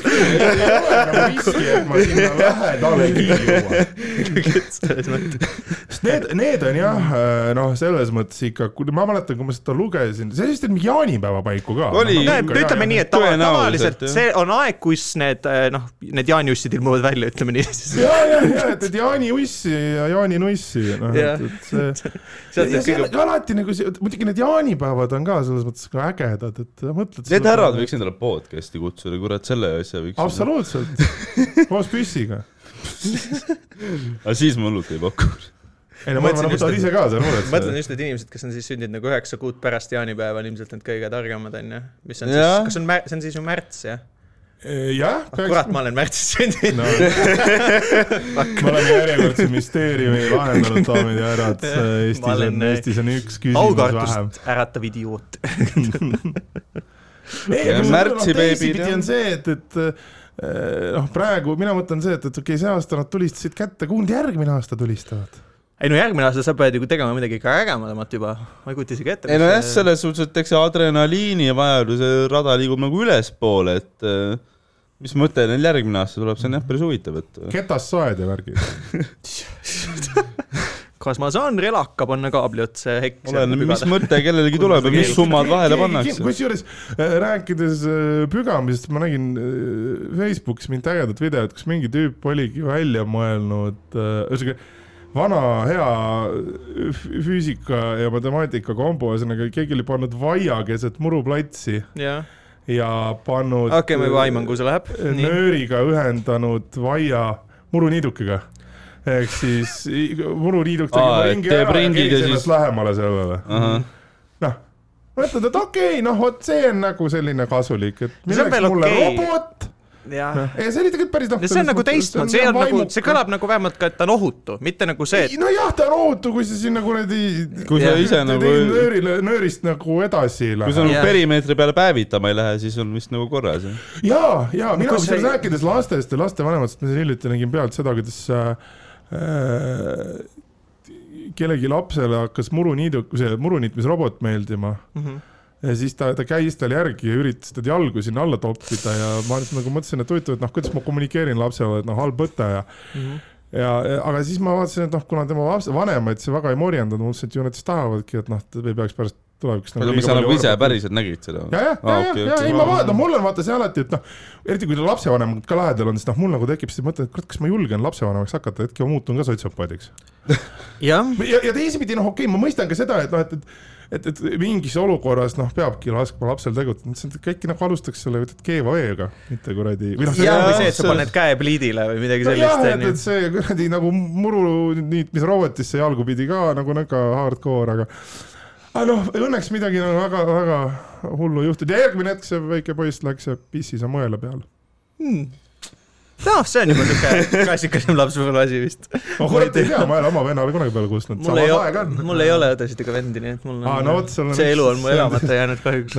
Nad ühte seda jaanipäeva beebit juba nägin, et Eesti ei julgenud teha.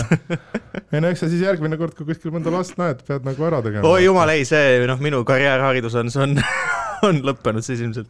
no ma arvan ka vabadus mõneks ajaks no, tehniliselt võib minna lapse heaolu ohtu seadmise alla. ma arvan jah, et su õigus õpetada. mille eest kinni minna, mõtle Tartu vanglas lugusid rääkida, et kuidas äh, ma olen kindel, et ma olen vend, kes noh, koksatakse ära ilmselt suhteliselt kohe ja kusjuures ma ütleks, et tõenäoliselt ka õigustatult selles ja, mõttes, et ma ei usu, et see fännklubi saab. ma ei tea, kas Eestis, mis Eestis nagu on selles mõttes, kuna mul ei ole endal nagu tuttavaid äh, vange ega kedagi, aga et mis Eesti see nagu vanglakultuur või selline üldse on, et Tea, ma mõnevõrra nagu. vangis istunud. ma eeldan, et tänapäeval tundub see asi nagu siukene mind huvitab, et kus me nagu skaalal oleme, et kui ühes skaala otsas on, ütleme, räägime euroopalikest vanglatest, räägime Norrast näiteks, et ja teises otsas räägime no, no ütleme Ühendriikidest, et siis kus nagu Eesti paikneb sellel skaalal tegelikult?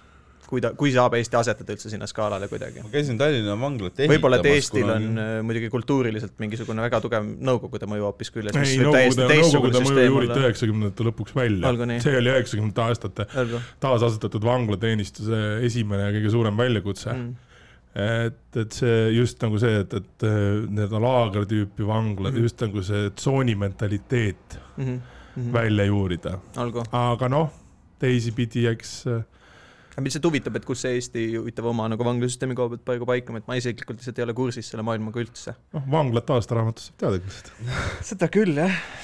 oleks vaja mingit Eesti eks, eksvangi, kes hakkaks ka mingit oma podcast'i tegema või midagi. no meil oli saade kinni ju ma olen mm. vaadanud, kusjuures päris huvitav, aga ma käisin Tallinna vangla, et kusjuures päris lahe, et ähm, üks esimesi objekte, kui ma ehitusel töötasin, oli Tallinna uus vangla ja üks viimaseid oli Patarei vangla lammutamine mm.. et sul oli siuke ilus ring. Ja nüüd saab Rummus ujumas käia. Mis on minu meelest nii äge, ma mõtlen selle peale, et noh, mitte, et noh mm -hmm ma mõistan seda, et, et ala, eks ole, ilus kasutada, samas kui vaadata statistikat, palju seal inimesed viga on saanud, siis noh, siis mõtled, kas see nagu ole, on nagu see koht, kus saab taha, mina küll, noh, ma saan aru, no, küsitakse raha, et sinna saada. ilus sinine vesi ja valge liiv, no mis no, sa tahad. peakad panna betooni. palju sul muul, palju, palju sul vaja on õhupüssi paar sõpra ja vähem. see ilus, ilus veekogu on selles mõttes. see on see Eesti mm. juunikuu idüll selles nii kui mina tean, siis Venemaal isegi eksisteerib äh, teatud järvi ka, kus, mis ka taamalt tunduvad äh, kohutavalt kaunid, aga kus vesi on üsna radioaktiivne, sest nad on vist loodud äh, tuumalõhkepeadega sest et Nõukogude Liidus oli teatud isikuid, kes arvasid, et on tuumapomme ülihea ju kasutada suurteks ehitusprojektideks no iseenesest mõtlesin, et kuule miks me seda Maci, seda tunnelit üldse teeme, paneme lihtsalt paar mõned pommid sinna, laseme õhku selle, ongi korras.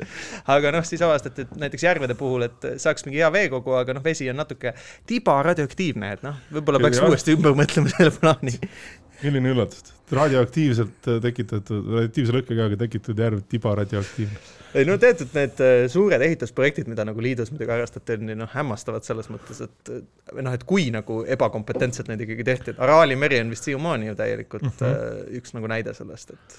ja aga teist, aga tähendab ikkagi noh, palju, palju hämmastavam ja palju hirmutavam näide on see, et need ikkagi tehti ära. jah, seda ka. et no mitte ainult see ebakompetentsus, vaid see, et, et aga see viidigi läbi, lihtsalt see skaala, ma just siin täna sattusin äh, äh, mingi uudisnupukese peale, mis analüüsis olümpiamängude äh, järel kasutamata jäävaid yeah. neid spordiehitisi yeah.. ja minu meelest Vene suurepärased Sotši olümpiamängud peaks hetkeseisuga modernse olümpiaajaloos ikkagi juhtivad olema aa, ongi jah, et selles mõttes, et nii meeletud kulutused ja kõik need on läinud nagu kõige kallimad ka vist siiamaani. tõenäoliselt vist on, sest see oli ju koht, kus lausa äh, läks äh, ju infrastruktuuri ehitamiseks ja nii edasi, et noh, kui me räägime, ütleme, et Pekingist või, või ütleme Ateenast, et siis seal noh, ehitati hooned valmis, aga seal noh, konkreetselt seal polnud teidki, mis viinud sinna normaalselt. aga noh, nad, nad ei olnud olümpiaks vastavad.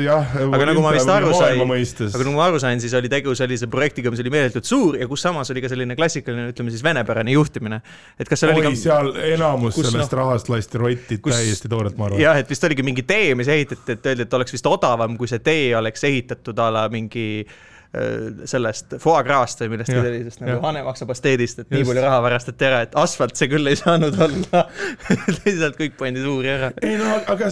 ju pidid tihke asfalt olema selles suhtes. ei no siin selles või no mis, kas see, ega, ega vaata selle kohta mina alati soovitan lugeda seda legendaarset äh, Ilfi ja Petrovi raamatut Kuldvasiks hmm., kus on ära seletatud äh, siis äh, noh, noore Ostap Benderi saavutused, aga seal ju ka see legendaarne äh, mis ta oli, sarved ja, sarve ja sõr-, sarve ja sõrge, sarvede ja sõrgede kokkuostukontor mm. -hmm. mille, mille eesmärk oli kohe kindlasti mitte kokku osta sarvi ja sõrgi, aga kui nagu stüübid võtsid selle, kes ei ole lugenud, on paljust ilma, et see, see on raamat sellest, kuidas kelmid võtavad sihtmärgiks ühe linna kõige rikkama põrandaaluse miljonäri, kes mm. ametlikult vist tegelikult on mingi seal ka kohalik ametnik mm. -hmm. aga tegelikult on teada, et noh, tüübilikud rahad liiguvad ja noh mm, -hmm. nad võtavadki missiooniks ta tühjaks teha. tühjaks teha jah, kelmusega mm. -hmm ja seal noh, muuhulgas on ka lahti kirjutatud just seda mentaliteeti ja juhtimist ja asja, et noh, et alati peab olema keegi, kes sinu eest kinni läheb ja mm. mm. seal on neil see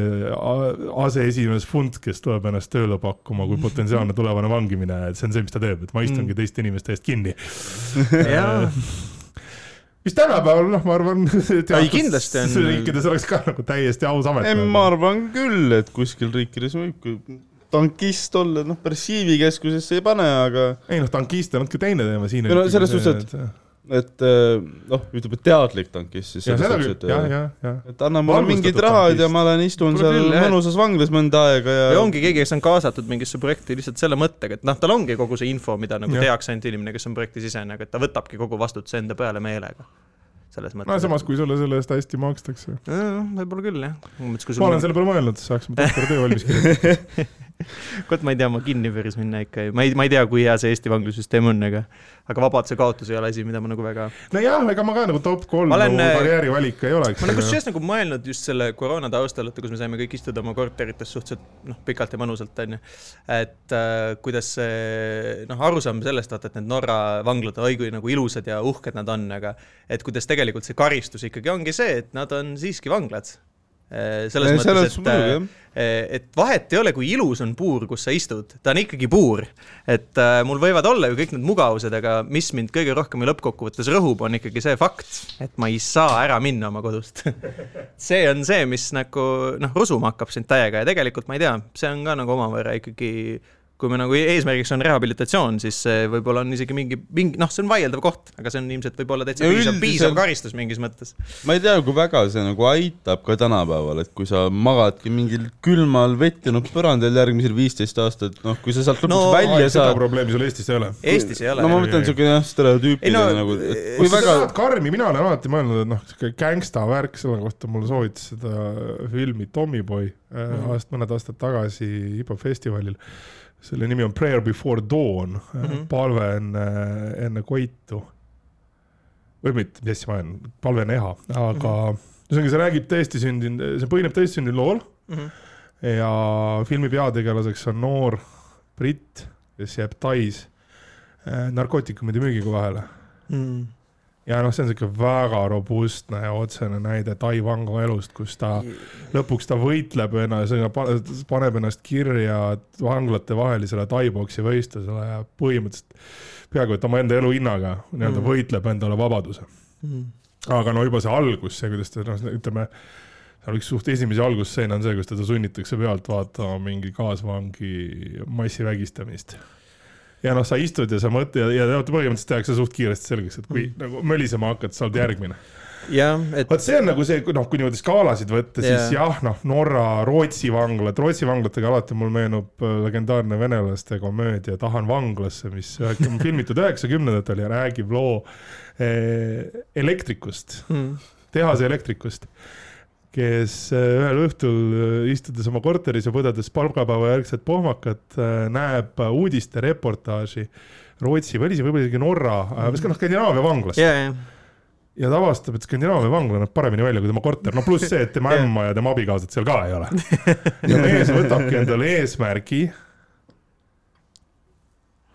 oli ikka, minna vanglasse yeah aga see tähendab, lõpuks ta jõuab Hollandisse, see valesse riiki ja siis ta proovib seal ja, ja, ja kõige kurb, noh, see, see tragikomöödia on see, et peale kõiki neid seiklusi, mis ta seal teeb selleks, et vanglasse sattuda, ta siiski lõpuks mõistab, ta tahab koju tagasi sest et no näiteks ta üritab restoranis teha külmaarvet, et noh, ta mm. sööb, tellib kõike, mida saab ja, ja kõrval lauas mingi vend maksab selle arve ära, ütleb, et see on nii äge kutt nagu, et. ja seal on reaalselt see, kus tüüp langeb põlvili ja pisarad silmis anub, et palun, saate aru, ma tahan vanglasse minna ja kõik mõtlevad, et see tüüp peab vaimuhaigla olema. kas see on nagu päris, no ma olen ise mõelnud selle peale, olen vaadanud Norra, Rootsi vanglates pilte ja mõtlen, et kurat, ma tahaks ise ka minna sinna. ei, minul on ka korra, mina kas... praegu korteri otsingul oleva tead kooliõpetajana Eestis, ma ütlen, et ah, ah, huvitav, kas see on päris asi nendes riikides ka, et reaalselt minnaksegi, no ta, läheb panka röövima. seal on kindlasti ka neid, kes ega, ega noh, ma ei tea, kas ta nüüd nii drastiline on aga.... selles mõttes meil on inimesi, kes lasevad ennast õhupüssiga kätte, et jah, noh, tõsi. ma ei oleks imestunud, kui mõni inimene läheb panka röövima, et kui läheb hästi, siis ma saan raha. kui ei lähe hästi, ma saan elukoha nagu ei no eks kindlasti ahastuses inimesed teevad mm. Äh, drastilisi asju, noh näiteks kunagi ülikooli ajal terrorismiuuringute seminaris ma mäletan, ma lugesin äh, äh, uurimust selle kohta, kus küsitletigi, vist kui ma õigesti mäletan, Palestiina territooriumil mm viidi läbi uuring või noh, kinni püütud siis nii-öelda suitsiiditerroristide hulgas. Ja enam, no põhimõtteliselt kõik rääkisid täpselt sama loo. Mm.. et äh, noh, me elame vaesuses mul on pere, keda toita ja noh, ühel mm. päeval tuleb sinu koju viisakalt riides, lipsuga härrasmees mm., kellel on kaasas kohverraha. toob selle kohvri sulle laua peale, ütleb, et kuule, noh, vaatame asja nii, nagu ta on, eks ole mm.. sul ei ole mitte midagi ühesõnaga, et sul on küll su pere, eks ole, aga noh, sa oled tahastuses iga päev, sul ei ole raha. sul ei ole isegi nagu väljavaateid. ja sul ei ole mingit perspektiivi, sul ei ole, noh, see on see maksimum, mis sul on, noh, mm. võib-olla järgmine laps. paremaks ei lähe. ei, ei aga siin on sulle, näed, esimene sissemakse mm., kui sa oled nõus tegema, mis me sult palume, aga noh, sihuke nagu maffiafilmides, et ega mm. sinu perekonna eest hoolitsetakse edaspidi nende elupäevade lõpuni. noh mm., muidugi siit tekib muidugi see, et sa ei tea, et kas see. jaa, selles mõttes küll. aga sellel hetkel sa oled nõus selleks, sellepärast et noh, sa saadki reaalselt aru, et sul ei ole neil midagi muud pakkuda mm. -hmm jah, teatud piirini küll, samas ma tahaks nagu uskuda, et riigis siis võiks olla ju vähemasti see, et nagu teatud instantsid, ütleme siis mingid töötukassad ja programmid, noh, kui inimestel võimekus nagu saada mingi teatud sissetulek, mis ja. võimaldaks sul hankida endale mingisugune elukoht. ideaalses ühiskonnas. ja no oleneb, mis nagu riikidest me siin räägime ka. absoluutselt, jah võib-olla Euroopa Liidus tõesti. Palestiina riigil on vastupidi ka mitte. ma mõtlengi näiteks just, et Ameerika Ühendriikide kontekstis, noh, kus ma ei tea, kas sa seal sooritaks, sooritada kuritegu, et pääseda vanglasse, et olles nagu mõnevõrra noh, uurinud sealse vanglasüsteemi kohta, et ma vaatan ühte sellist Youtube erit nagu on Larry Lawton, ma ei tea, kas sa oled kuulnud kunagi, oled? Äh, tema nagu istus USA-s äh, Max, noh, ütleme siis range režiimiga vanglas, ütleme kaks, vist kaksteist aastat, kolm aastat oli sellest üksikkongis. Äh, kuna ta hakkas vanglasüsteemi vastu protesteerima ja siis ta lihtsalt visati täiesti mõttetutel põhjustel üksikkongi ja teda hoiti, hoiti seal hästi pikalt, et ku, olles kuulnud mingeid nagu tema lugusid, et siis mõtled küll, et see on, et noh, et, et me ei räägi sealkohal nagu kolmanda maailma riigist, me räägime täiesti mm. noh, just maailma rikkamast riigist mm. ja see, kuidas nagu seal, milline see suhtumine on Äh, noh, vangidesse, et see on nagu selgelt on tegemist karistusinstantsiga, mitte nagu rehabilitatsioonikohaga. et see on no, üsna, üsna, vaidlus karistuspoliitikas, et, et kumba teha, Eesti on läinud rehabilitatsiooniteed, aga noh, sellega kaasnevad jälle teistpidised nagu küsimused, et noh, ma olen, ma olen, ma olen lugenud oma, oma, oma akadeemilisest tööst lähtuvalt seal mm. igasugu ettepaneku, noh stiilis, et ei pane kedagi vangi, paneme kõigile jalavõrud, noh, see on jälle see on nagu mm. küsimus, mida saab arutada, aga noh, jälle inimene, jälle inimesel on nagu vahe, et selles ma usungi, et, usungi, et see on mingisugune, mingi, jällegi taaskord see, et see on mingisugune kesktee, et seal ei ole seda, et üks äärmus või teine äärmus. lõppkokkuvõttes on ju noh, miks me karistame, paneme inimese vangi, on ju see, et noh, rohkem ei teeks ja lõpuks on see ju, lõpuks on see ju nagu individuaalne, et kas inimest motiveerib nagu rehabilitatsioon või siis lihtsalt see hirm tagasi sattuda. üks väga oluline aspekt juurde, see on minu arvamus mm., äh, mis põhineb teatud äh, kokkupuudetel uuringutega selles mm. valdkonnas, aga tegelikult sellest on ka meedias kirjutatud mm. -hmm. et miks see asi läbi kukub, on see, et, et kui me oleme näiteks inimese vangi pannud sest kui mhm. vaadata korduva retsidiivsusnäitajaid, eks inimeseks mm. uuesti yeah. kuriteo, nad on suhteliselt kõrged enamasti kahel põhjusel mm.. üks on see, et inimene naastes ei leia tuge yeah.. soovitasime, no ütleme niimoodi, et vend, kes on istunud vanglas, noh, keegi talle pidu nagu ei korralda, eks ole mis teiseks tähendab seda, et ta läheb suht kiiresti, noh tagasi samade samad sõbrad, kes tal ennem olid mm -hmm., noh, et selles suhtes. ja ega talle keegi töö ei jookse. aga sul ei ole ju muud elu ja mida muud sa teed, vaata. seda on proovitud, aga lõpeb see ikkagi sellega, et meil on, on olnud meedias positiivseid kajastusi ettevõtetest, kes noh, annavad võimaluse, eks yeah.. aga palju rohkem on neid, kes noh, jälle see on, see sotsiaalne probleem ongi seesama, et noh, näiteks mm -hmm. kriminaalhooldajatel mm, -hmm. neid ei ole piisavalt yeah.. Nad ei jõua igale poole mm. aga teistpidi ütledki ka noh, sul ongi, kuidas ma teda aitan, noh, ta läheb, ta käib, aga ma juba ette tean, et keegi teda ei taha yeah. ja see ongi see, et, et see sotsiaalsel tasandil see, see kõige keerulisem ongi just seesama, et, et noh, kui sa näed, et sul ei ole muid alternatiive mm., siis lähedki tagasi sinna, kus sa olid, noh, et, et see, osad inimesed äh, satuvad äh, või noh,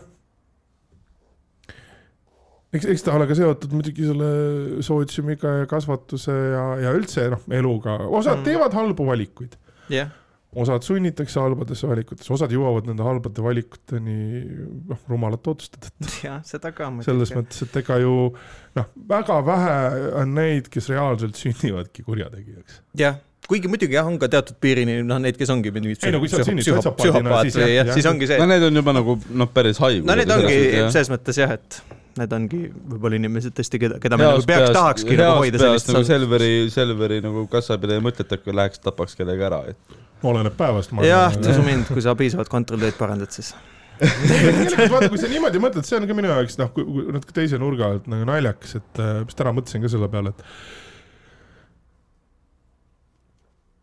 kui noh, jälle nende ringiga tagasi tulla selle juurde, et kuskil mingi külmkapp sulas ära või noh, midagi tegemata, ma olen ise oma tutvusringkonnas pannud tähele, kuidas noh, on neid, kes nagu ala on see, et, et aa, et mis te siin kuradi Tanel Kiige kallal nagu tänitate, et laske tal tööd teha ja ma mõtlen, et aga noh. aga tee siis. kus see fucking resultaat on, ma ju, ega mul on ka targemat teha, aga vahepeal lihtsalt mõtled, et, et kuidas, kurat, see on võimalik, et noh, vaata, oled erasektoris töötanud või noh, oled ka, et noh, et kui mina jätan e-kooli hinded, siis vaata noh, keegi kirjutab mulle, et oh mm., tegemata yeah.. noh, sest et edasi keegi, noh, keegi teine on kirjutanud kuskilt, keegi küsis, nii edasi, nii edasi mm meie vend on aasta aega kuradi pihupiljardit tagunud ja kõik on ikka see, et no aga ta üritab. noh, ei ole see koht, kus üritada, et noh. jälle, kuna ta ise ei kavatse ju see ja ma saan temast ka aru, miks ta peaks ära minema, keegi ju ei aja keegi pole vingunud ka. ei no, ei no, ei no tal on laen ja, ja, ja, ja nii. ei no see, see laen laenuks, aga mina, mina saan temast ka selles mõttes aru, et, et miks sa peaksid tegema, kui keegi ei nõua, et sa teed mm. -hmm. no jälle, et järelikult minu küsimus on ka see, et kus on proua peaminister või noh, kuidas, ma tahaks nüüd seda koosolekut näha, et kas ta äkki ongi nii äge vend, et ta suudabki ennast kõigest välja rääkida või? no lihtsalt ma tahaks, ma tahaks õppida, Tanel, räägi mulle ka, noh.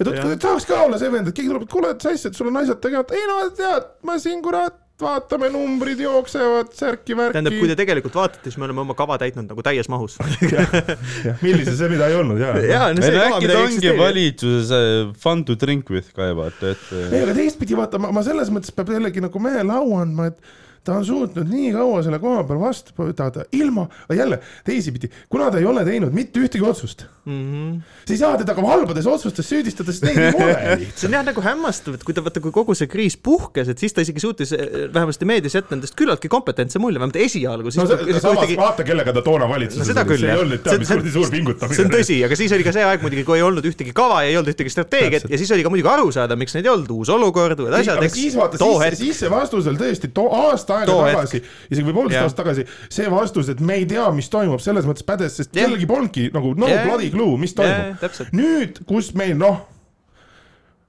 nüüd on juba nagu mõnda aega möödas. oleme nii, et paha hakkab. noh, et meil siin kuradi tuleb kümme aastat, kümne aasta jagu magistrante ja doktorante ja bakatudengeid saab lõputöösid treida erinevates valdkondades, pole mingit probleemi. samamoodi jälle rääkida, et oi, me siin ikka peame mõtlema, mida mi-, noh, mille üle on meil siis nüüd järsku noh, ja teisipidi jälle okei okay,, noh minul on jälle see, et, et är, mida kuradi me sunnime seda Anneli Otti vaktsineerima, istugu ilma oma kuradi süstideta.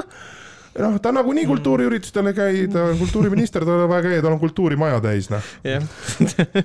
aga vaktsineerime need ära, kes tahavad, vot noh, teeks nagu selle asja ära mm. ja siis hakkaks vaatama noh, alati on, jääb neid inimesi, kes kuradi kutsuvad üles, ma ei tea, mis kuradi revolutsiooni, noh ma ei tea, jälle nii palju, kui ma seda, tore siin koroona ajal jalutades neid podcast'e kuulata, et ma kuulasin Mike Duncani The History of Rome'i ja noh, reaalselt noh yeah., flashback'id tänasesse päeva, noh, selle edu, et noh, meil ei ole nagu nii head sõnaseadjaid jah seda küll. meil on neid kõvasti vähem, aga noh, teisipidi ma kujutan ette, et noh, sama on nagu ka siin, et kui kui äh, kuskil öeldi, noh raadios keegi ütleb, et enamus Eesti kaitseväelasi ongi amatöörid, siis ma kujutan ette, et nii mõnigi äh, tegevteenistuja mõtles, et no kurat, oli sama vihane kui Rooma legionärid, kui nad pidid äh, Hannibali ees kapituleeruma, et noh, kes oleks tegelikult, nad oleks tahtnud nagu võitlusesse minna.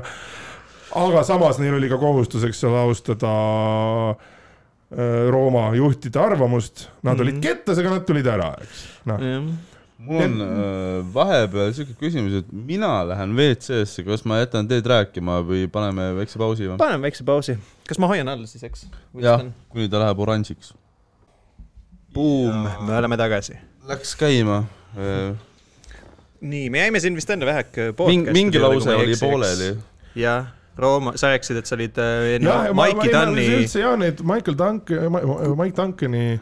History of Rome, jah äh, väga-väga kütkestav, ma nüüd olen. kui keegi ei ole kuulanud, ma ise võin omalt poolt ka soovitada, on tegemist on suurepärase podcast'iga, põhimõtteliselt ükskõik mis situatsioonis sa tead, võid ka olla MyFitnessis see vend, kes. absoluutselt ja see on see, mis, miks ta mind kütkes või köitis, ma tegelikult jõudsin selleni läbi uh, History of Philosophy Without Any Gaps, kus mm -hmm. ühes episoodis oli mm, Peter uh, Duncan, kes või mitte, Peter Adamson, mitte Peter mm, -hmm. kes seda mm, podcast'i teab, tal oli külas Robin Pearson, kes teeb siis mm -hmm. The History of Byzantium, mis on siis järg Mike mm -hmm. Duncan ja sealt ma sain teada, et mm -hmm. muuhulgas ka, et on näiteks olemas ristisõdade äh, podcast ja nii edasi, noh kindlasti oh. ma olen üldse üllatunud, et seda infot on, aga miks nüüd, miks Läheb ikka päris spetsiifiliseks, jah? no jaa, aga te, teistpidi, mis, mis, miks teistpidi ta on ligipääsetav, teistpidi ta on ligipääsetav. Ja see on jälle, kui rääkida informatsiooni edasiandmisest, minu meelest see on midagi sellist, mis äh, mis on nagu hea näide sellest, kuidas äh, info edastamisega äh, kohanetakse aja muutudes, et noh, mhm. näiteks kui sa mõtled ja, ja näiteks Mike Duncani puhul on äge see, et ta tegelikult eh, noh, ta ei ole ise ei õpetaja ega, ega ülikooli mm. töötaja, ta oli lihtsalt ajaloohuviline, kes lapsest saati luges palju ajalugu, nüüd on ta hakanud eh, muidugi raamatuid kirjutama mm. ajaloost. aga lihtsalt ükskord otsustas, et noh, et miks mitte proovida. ja, ja, ja selle puhul ongi see, et ta räägib lugusid Eh, erinevatest isikutest ja sündmustest, et noh, mis mm. mul tavaliselt on alati olnud ajalooga see, et, et on inimesi, kes teevad rohkem nagu sellist historiograafiat, ehk siis, et mm. ma mäletan enda kooliajast, mis mind täiesti tappis ajalootunnis, oli igasuguste kuupäevade tuupimine. et sulle noh, sa pidid nagu kuupäeva, vaata, et kellaajaliselt teadma mm. a la mm. millal esimene maailmasõda algas, ega noh. Sellest on hullem versioon veel olemas, see on see, kui sa lähed kunagi ise ajalugu õppima, on siis see, kui sa pead teadma nimeliselt ja kuupäevaselt, kes täpselt millal midagi kirjutas mingist sündmusest. Eh, see on õigusajaloos sama, mul on õigus teaduskonnas sama, mitte ainult sündmustest, vaid noh, umbes seesama, et ja. mingi noh, Rooma õiguse alustus oli ka, et mingi mm. mis kuradi aastast, mis aastani see vend elas. ikka kotib nagu noh, okei okay,, tore on, noh, mingid asjad jäävad meelde, pigem yeah., aga pärast ongi nagu see, et minul oli aastaid ala, või noh, seda kuulates mul kuidagi jälle hakkas ühendama asju või noh, näiteks olles mm. ülikoolis filosoofiat õppinud, samamoodi noh mm., mingid asjad sul räägitakse, mingitest asjadest ei räägita peaaegu üldse mm. -hmm aga siis kuulata mingeid asju, noh, mis on, sa oled seda kuulnud, saad, tuletad asju meelde, kordamine on tarkuse ema. aga just see, see loo rääkimine, keskmes on mingi idee mm. -hmm. näiteks Mike Duncani History of Rome'i puhul mulle väga meeldis see, et ta noh, üritas ka kuidagi nii-öelda, nii-öelda noh, ikkagi rääkida seda tausta Ja. näiteks, et miks üks või teine inimene seda tegi või miks, miks, miks me saaksime väita, et jah, et mis olid just motiivid, äh, kontekst mida sul tavaliselt paljudes ajalooõpikutes, sul on nagu rohkem küsimusi kui vastuseid. jah, nõus. Ja et... teatud valitsejate puhul, kui noh, me räägime pigem on sellest, et võib-olla nagu järjestatakse enam-vähem nende kõige tähtsamad mingid saavutused, aga see nagu, miks nad mingit noh, teed valisid või miks nad mingeid otsuseid tegid, et seda nagu neile alati, seda ajaloolist konteksti tihti ei anta. no muidugi teatud põhjus on muidugi ka selles ilmselt, et ajalootunnidel on, on paraku on, eks ju, noh, piirangud peal, kui palju me saame edasi anda mingi aja jooksul. ei no see on jah see, et nüüd sul on nelikümmend viis minutit see teema selgeks teha, et ei no see ei ole mitte ainult. jube huvitav oleks teada. sul on ka nagu. õppekavas seadistatud, eks ole, et selge on nagu see, et noh, Eestis pannakse rõhku Eesti ajaloole, teisipidi jälle noh, siin see klassikaline näide selle kohta, et, et kuidas noh, naerdakse enamasti on, et kui kritiseeritakse Ameerika Ühendriike, et yeah. et kuradi mikid, et noh, nii lollid, et seda ei tea ja toda ei tea, neil on nii suur riik, neil on enda ajaloos nii palju juhtunud et noh, see jah, muidugi nad mm. võiksid ju teada rohkem, teistpidi, oh, nad teavad oma ajalugu meie nägime ka, kui sa eestlaselt küsid, et äh, noh, et, et äh, nimeta mõni Ameerika kodusõja lahing. ei no selles suhtes jah, et noh, ameeriklased võib-olla teavad rohkem nagu oma ajaloo kohta, aga samal ajal nad teavad nagu poole kontinendi ajalugu, et äh, no sest pool poole kontinendi ajalugu on ka nende ajalugu täpselt. ei, aga noh, meil ongi ju see, et meie Eesti ajalugu, noh, kui niimoodi kurjalt võtta, me räägime läbi vallutuste, mis, mis, mis järjekorras me kellelt nagu kuradi kühvlisse saime, eks, ja miks jaa, põhimõtteliselt küll. No.. aga teisipidi jälle, kui mõelda selle peale, siis just noh, ajaloost rääkimine või noh, jälle minu mõte on nagu see, et et kui kommunikeerimisest rääkides, noh, mina näiteks neid eh, taskuhäälinguid kuulates mõtlen, et kurat, et see on nii hea täiendus sellele just nagu sellele olemasolevale õppematerjalile, et noh, et oleks mul üheksakümnendatel olnud võimalus, noh, keegi oleks öelnud, et kuule, et okei okay,, et noh, me ei jõua seda kõike rääkida, aga mine kuula seal, noh, ma ei tea, neid asju see on päris hea point isegi, ma arvan, ma võtan ei, selle muidugi, selles mõttes, et ma sain just sinult päris hea mõtte, et ma ilmselt saaks seda ära kasutada täiesti vabalikult mingisuguse kodus ülesande koostamisel näiteks. absoluutselt. No, või kasvõi kasutadagi mingit klippi näiteks tunnis endas, et me kuulamegi näiteks mingit juppi sealt, onju, mhm. siis näiteks laseme analüüsida mingi, näiteks veel paaris töö raames ka, didaktiliselt on väga korrektne meetod selles mõttes. no jah, ja, ja samas ka see, et, ja, tänapäeval arendab ka just, sest et noh, fakt on see, et, et kui me räägime õpetamisest ja noortest õpilastest, siis äh, nad tarbivad sotsiaalmeediat kordades mm, rohkem. muidugi. aga mina näiteks tavaliselt olen see kuri inimene, kes, kui ma ülikoolis oma loenguid alustan, siis mul on alati olemas paar sellist äh, tüvi, tüviteksti, nagu mina neid kutsun, et sellised mm -hmm. mahukad õpikud, mida on mhm. hea endaga esimene loeng kaasa võtta ja nad laua peale panna ja siis vaadata seda hirmu inimeste nägudes kui sa veel noh, eriti kui sa tahad väga kuri olla, siis võtad selle kõige suurema ette, avad esimeselt leheküljelt, siis ütled noh, et hakkame siis vaikselt minema et alles siis noh, pärast mingi hetk ma ikkagi muidugi ütlen, et neil on tegelikult esimese kursuse jaoks vaja ainult esimest kaheksat peatükki, aga see jällegi noh, need, mina olen ka nagu. seda ma ütlen ainult neile, kes loengusaalis viibivad ja kuulavad. Basically küll jah äh, või noh, tänapäeval on see kõik on ju, peab olema kirjas äh, noh, või tavaliselt võiks ju ka nagu alustada iga loengut seda, et, et minge lugege neid ainekava kava läbi mm.. see on see yeah. ameerikalik lähenemine, it's all in the syllabus mm., mis selle jaoks seda ka tehakse mm..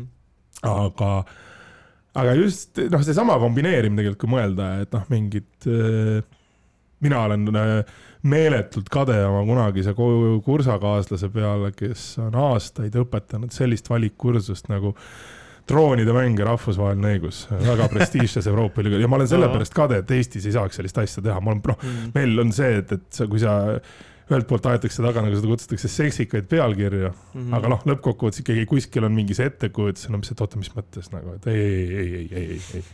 noh, et peab ikka akadeemiline, kasuta keeruline, see on jälle, mida ma ei ole kunagi aru saanud sellest asjast, kui ma ise üliõpilane olin mm. -hmm. et, et ma saan aru, et teatud olukordades peab kasutama noh, termineid või noh, keerulisi ja, sõnu. sest et teatud noh, eriti situatsioonides on ju see, et noh, terminid lihtsalt muudavad teksti ja, palju lühemaks. no mitte ainult seda, aga see, et sa pead eriala terminoloogia ära õppima. jah, ei ongi, et muidu ei ole võimalik. pahatihti ma leian ennast suhelda. mõttelt, eriti erinevatel konverentsidel oh,. et inimesed kasutavad neid lihtsalt sellepärast, et nad ei viitsinud, nad oleks asja läbi mõelda. Shout out erinevate ettevõtete strateegiapäevadele ja muudele sellistele asjadele no,. jaa, see ka muidugi, absoluutselt. aga lihtsalt sa istud või noh, vahest loen nagu tekste ja ma olen noh äh, seda ka üles tunnistanud, et näiteks akadeemilises maailmas ma olen kohati nagu alla andnud, et ma olen tavaliselt see, et ma korra äh, semestri alguses ja noh, semestri lõpus ikka, aga vahest seal noh, perioodiliselt hoiad mingitele oma valdkonna ajakirjade sisukordadele, viskad silma peale mm, -hmm. et noh, mis siis nagu uut tulnud on mm. -hmm ja avastad, et noh, infot nagu on, aga noh, alati on see, et huvitav, et okei okay,, et, et noh, et mul on olnud täpselt see olukord, et sa mõtled, et noh,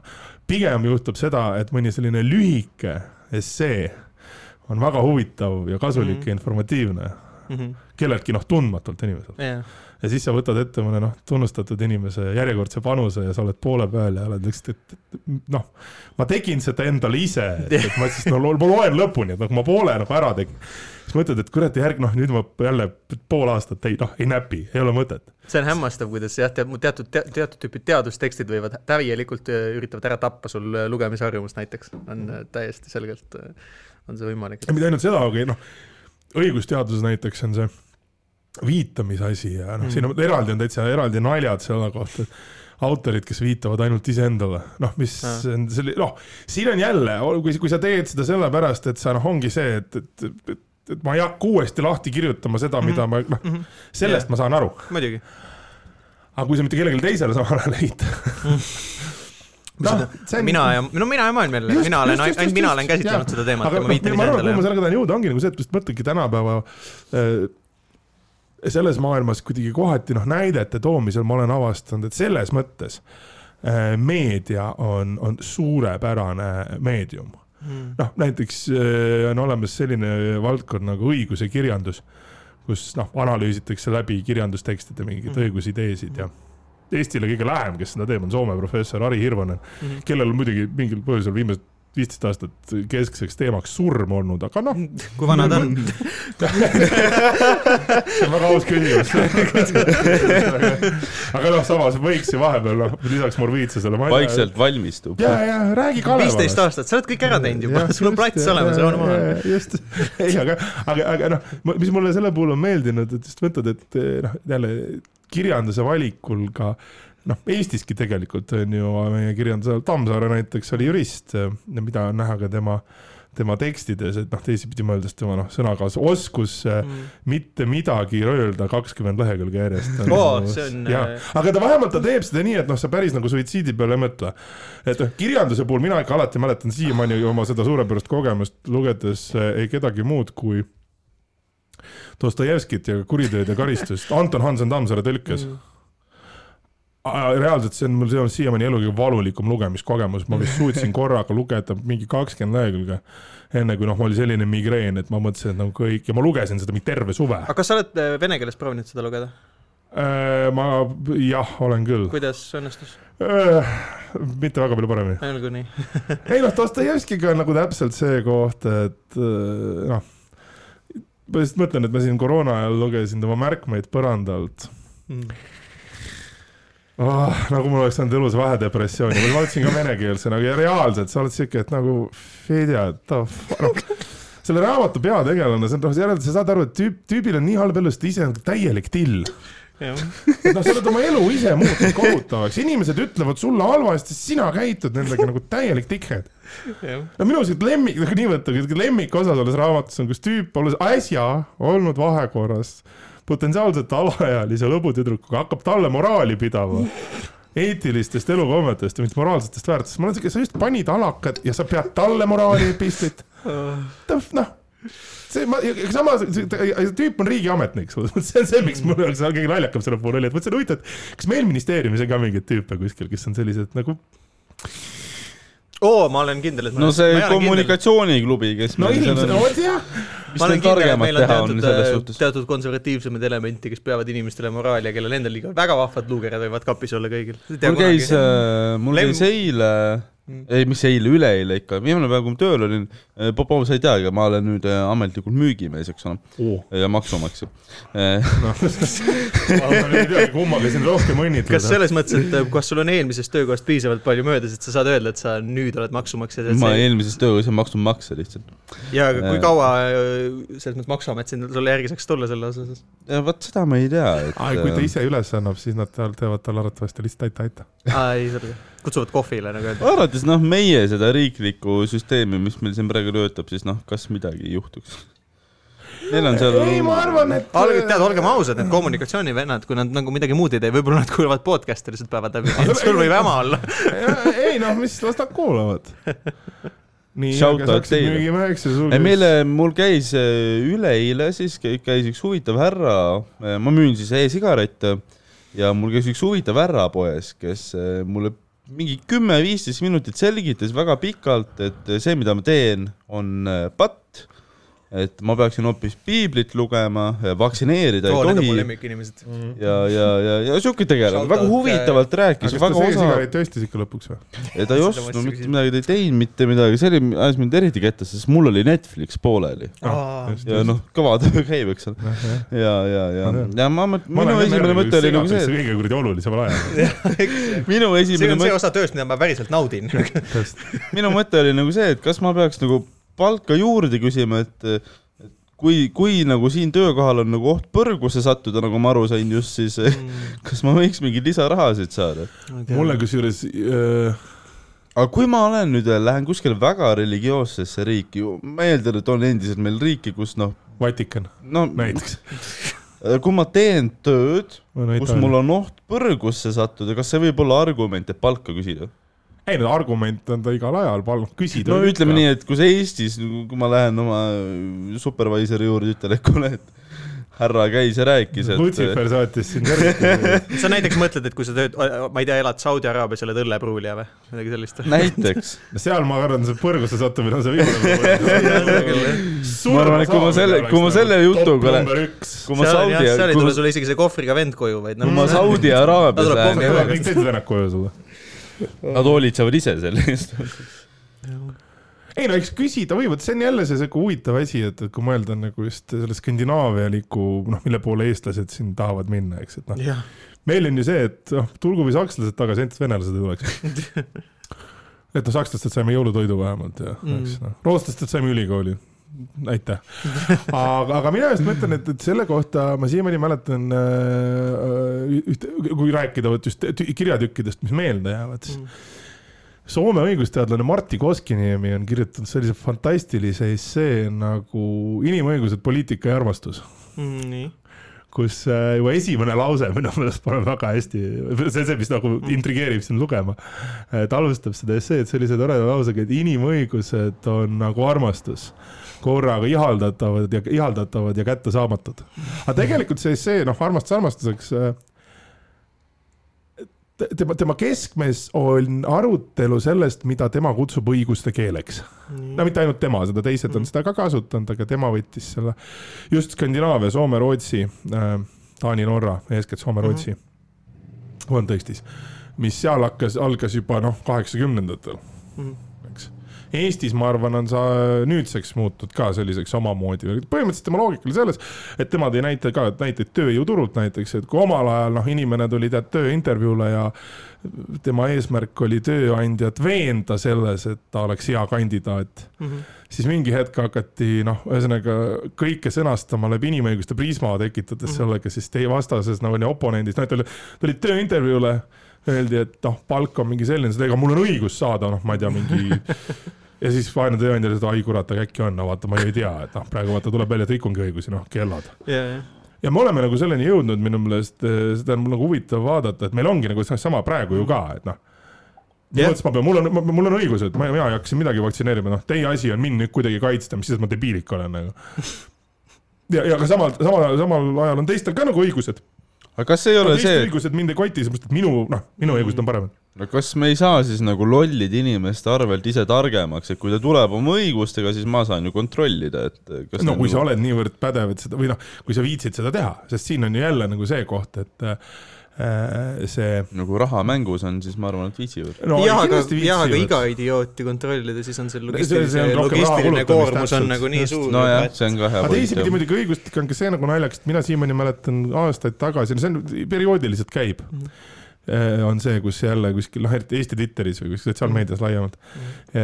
aga ma kunagi aastaid tagasi oli vist isegi lehte jõudis artiklike, kus ühesõnaga keegi värsket ülikooli lõpetanud bakalaureusekraadi omanik kirjutas kurva teksti sellest, et kuidas nüüd tema on kõrgelt haritud äh, ülikooli lõpetanud inimene ja inimesed öeldavad, et ta peab miinimumpalga eest tööle minema. et noh, et otse loomulikult tema ei lähe miinimumpalga eest, see on ju täiesti normaalne, et tema tahab saada mingi kuradi päris kopsaka summa kuus, kes võis olla kaks tuhat eurot ole, äh, neto ma ei ole isiklikult seda, isegi seda tendentsi nagu kunagi mõistnud, et kui sa lõpetad bakalaureuse, siis nagu tunned, et ma olen nüüd noh mingi geenius, et minu, minul oli. mina võtaks isegi laiemalt, et see, et sa midagi lõpetad, äh, on noh, sinu enda valik. ja ju. minul oli ikkagi pigem, kui ma mäletan, kui ma lõpetasin ajaloo bakalaureuse, mul oli ikkagi pigem nagu, ma ütleme nii, et ma olin nagu ajalooteadmiste osas olin palju enesekindlam, kui ma läksin bakalaureusesse, kui et kui ma lõpetasin bakalaureuse mm. -hmm. sest kui ma lõpetasin bakalaureuse, ma saan tegelikult, sain rohkem aru, et kui palju on nagu seda, mida ma üldse ei tea et nagu noh, on tegelikult täiesti mäed nagu teadusarvud, kus mul ei olegi võimalik oma elu jooksul jõuda nagu selliste teadmisteni võib-olla mm -hmm. nagu, nagu mõndal inimestel on ja kindlasti ma ei jõua nagu mitmes valdkonnas nende teadmisteni, ma peangi valima.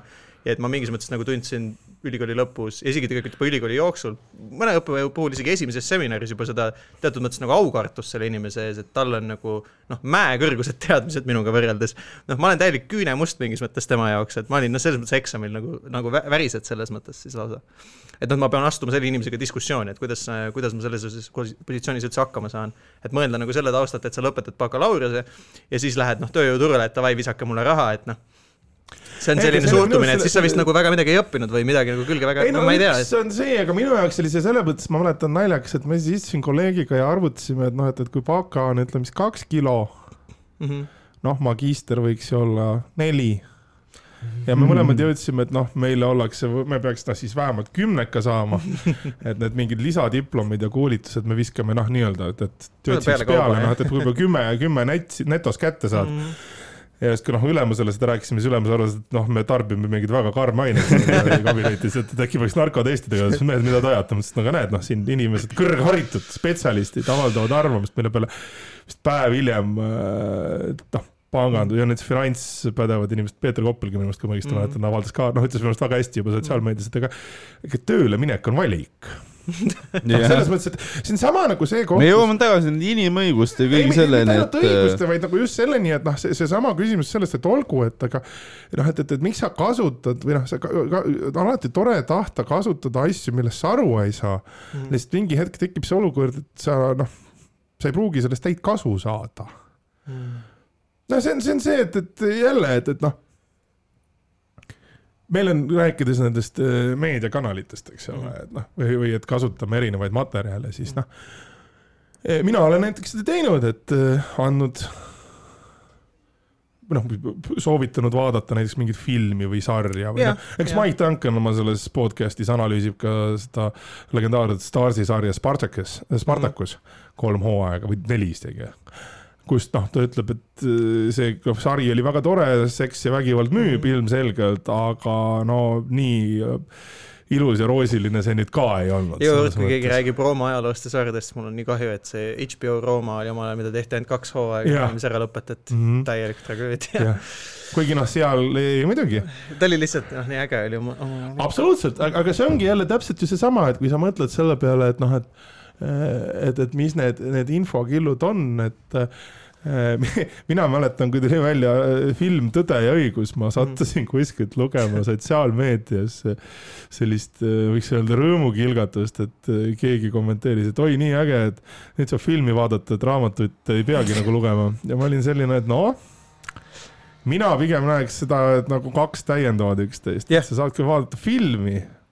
Noh, mina näiteks, mul on tavaliselt see, et, et mina mäletan, et mina, ma lugesin Stephen Kingi Laskurit peale seda, kui ma olin filmi ära vaadanud. Mm. -hmm ja ma olen väga õnnelik, et ma seda tegin, sellepärast et ma oleks muidu veel rohkem kette saanud seal kinos. Sest et ei, no vaatasin seda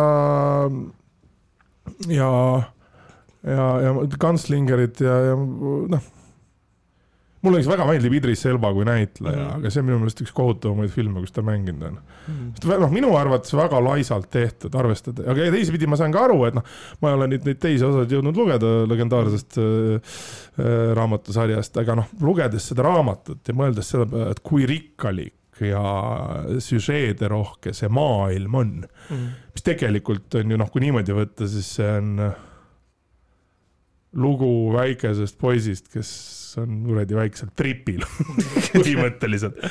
aga filmist jääb sellest noh, hoopis ta, ta ei saa palju absurdsem mulje, et noh, tegelikult see on jälle kombinatsioon kui mõelda erinevatest mütoloogiatest ja yeah., ja mingitest noh, indiaani lugudest, et et siis ka ju, et kui noh, niimoodi võtta, siis mina eks olen alati mõelnud, et noh, kooli ajal kohustusliku kirjandusnimekirja peale mõeldes. Mm.. et selge oli see, et noh, mingid teosed meile määrati sellepärast, et on need õppekavas ette antud mm. -hmm. aga mul kuidagi vedas, et gümnaasiumis kirjandusõpetajaga, et et meil anti ikka nagu valida ka, noh tagantjärgi sa muidugi mõtled, et kurat, et noh, et, et, et, et no ei osanud yeah, valida. yeah.. aga teistpidi minu meelest on nagu piisavalt, mida varem hakata soovitama yeah.. ja noh, see muidugi jälle eeldab seda, et sa saad neid, neid õpilasi tundma, digitaalselt on seda täiesti võimatu teha. põhimõtteliselt küll jah. Ja.. sest et, et noh, mõni, mõnele inimesele, eks mina noh, olen ma seda Braus-, Prusti üritanud lugema hakata, mis ma üritan, no, no, no ei noh, noh, paraku ma tunnistan üles, ma tean, et noh, kõik kiidavad, või noh, kõik, mul on tuttav, eks ju, mis mõttes, kuidas selle ma Prusti lugemas sellepärast, et ma ei pea need esimesed tuhat lehekülge vastu, et jõuda sinna, et nagu lõpuks nagu hakkab midagi toimuma ka. Või no seesama Dostojevski äh, Idioot ju lugeda. Mm., et, et, et põhiaction'ini jõuda, sa pead kõigepealt üle elama pea kakssada pluss lehekülge rongisõitu. Esimene kolmandik raamatust, tüübid on rongis ja vaidlevad ja, ja noh, ja see on täiesti triviaalne vaidlus, seal on mingi vend, noh, kellel, kellel on kas on varandused maha joonud ja siis no mina loen praegu raamatut Lenin rongis, nii et äh, noh no. no, järgmisena loed tüdruk rongis. aga noh, selles mõttes, et äh, see kõlab nagu vaata on äh, mingisugune Tarantino filmistseen, kus on noh, tehtud põhimõtteliselt stseen sellest, kus inimesed ei tee mitte midagi, aga vahe on lihtsalt selles, et filmistseen kestab võib-olla viisteist, kakskümmend minutit, kui sedagi mm. -hmm. raamat kakssada lehte, noh, võtab ja, aega ei no absoluutselt ja, ja siin teisipidi ongi nagu see, et noh mingite asjade puhul vahest sa ei olegi valmis, noh mm., mina kujutan ette, et kui ma oleks, kui ma loeks äh, praegu uuesti James Joyce'i Ulyssest mm., viisteist aastat hiljem mm., ma mõistaks seda palju paremini mm.. kui ma teda lugesin noore ajateenijana vahipataljoni kasarmus, sest äh, sõber Ants pani jäätise kokteili vahele, et ma ei loe seda läbi, kurat, keegi ei pakkunud kätte tulistada, ma olen pettunud. aga noh, ma lugesin ta läbi, ei, nüüdseks on ta vist isegi lõpuks eesti keelde ka tõlgitud. jäätise kokteili said? sain nice. Äh, aga, aga ma lugesin seda tasus ära.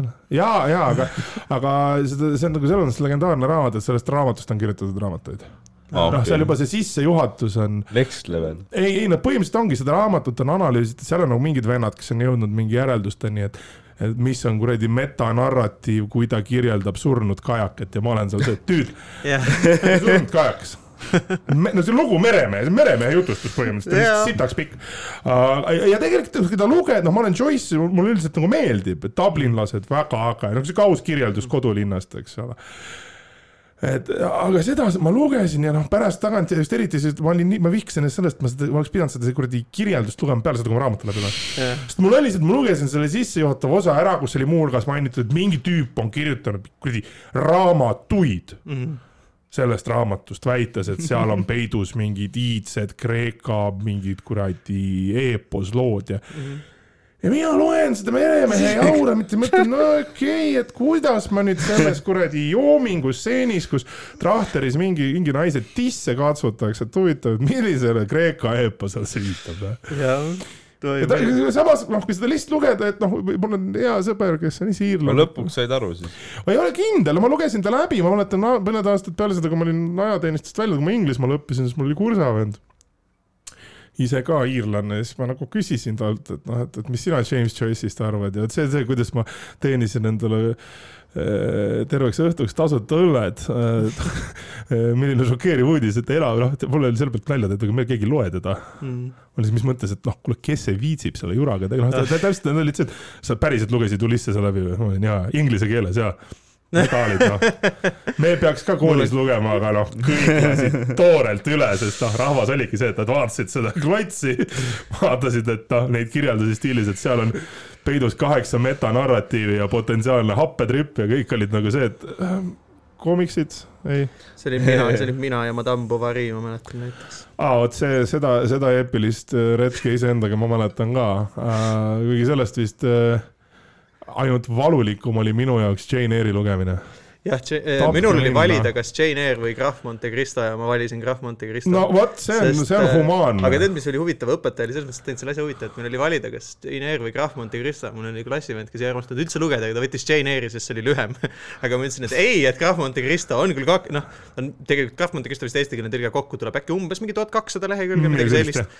aga ta on palju lühem kui Jane Eyre tegelikult sest et ta on, noh, ta on raamat, mis nagu jookseb väga hästi tegelikult. jaa, see on vanglastõline lugu. jaa, see on äärmiselt äge Briti nad tahavad lugeda yeah,, kas nagu seda, kuidas mingi tšikk nagu noh, üritab võistelda mingi kahe teise tšikiga selle üle, et kes noore ja pimeda kuti nagu. ma mäletan, see oli suve lugemine, mina olin noh, suve lõpuks olin ikka puhanud, tema ei olnud, et tal oli, tal oli raske oli. mina olin tolle suve lõpuks ikka no Max Kettas, ma olin nagu lõpuks ju see nagu see, see nagu nende. jah, seda ka Hispaania telenovellade vaatamisega, et no suudle teda juba, noh. sada kaks episoodi oled sa talle lähemale tulnud, tagumine aeg keelekat teha nagu noh. ei, kolm hooaega läheb veel aga see on ka vaata, kui sa niimoodi mõtled, noh, vot eepiline tootmine yeah.. eks no mis meil see kuradi kodus ja võõrsil, sinna vist kolm komplekti näitlejaid ära surnud juba. jaa, seda tehakse veel vist ju. see läheb põlvkondade kaupa ja. ja, ja, aga, aga töötab, noh. Eesti, noh, Eestil on õnne kolmteist oi jumal, see, see sari on küll noh. ei no aga, aga jälle see on nagu täpselt ju vaata see, et, et mis, mis mu mõte sellega on, et kui nii võtta, siis ongi, et kuidas sa sellest meediaruumis jälle tänapäeva infovoolus, et noh, kuidas soovitada hmm. midagi, et, et noh, kui mõtled vanglaelus, see on see mõned aastad tagasi valminud uh, Shot Calleri film hmm mis räägib Aaria gängist, eks ole, noh, kus yeah. on ka näidatud seda USA vangla elu, kus tegelikult noh, loo keskmes on pereisa, kes lihtsalt mm. õnnetul kombel põhjustab liikluse, oma mm. hooletusest yeah. põhjustab liiklusõnnetuse ja sealt hakkab kerima halbade otsuste jada mm noh, teisipidi samas enamus neid otsuseid võivad küll halvad olla, aga on tingitud puhtalt lihtsalt reaalsest, ma tahan vanglas ellu jääda. ja, ja muidugi. ja karjas on lihtsam kui üksi. jah. sest et kui noh, karjaga ei liitu, siis teine kari sööb see ära. see ongi see. või noh, omal ajal mm. oma HBO legendaarne Oos mm.. Viis hooaega eksperimendist vanglaseks, noh, mis ka tegelikult samas noh, suht robustselt ikkagi näitas seda, et kui, kuidas on riik riigis võimalik täiesti tekitada.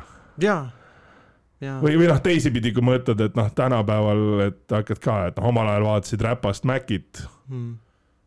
aga noh, tagantjärgi hakata seda Rampart Divisioni, seda lugeda hmm., kui noh, kuidas grupp politseinikke jõudiski selleni, et noh, isegi, see on nagu praegu Mehhikos, kus mm. Äh, öeldakse, et kurat, narkokartelle kardetakse vähem kui politseid, sest noh, kartell paneb su kasti, kui sa neid varastad mm. -hmm.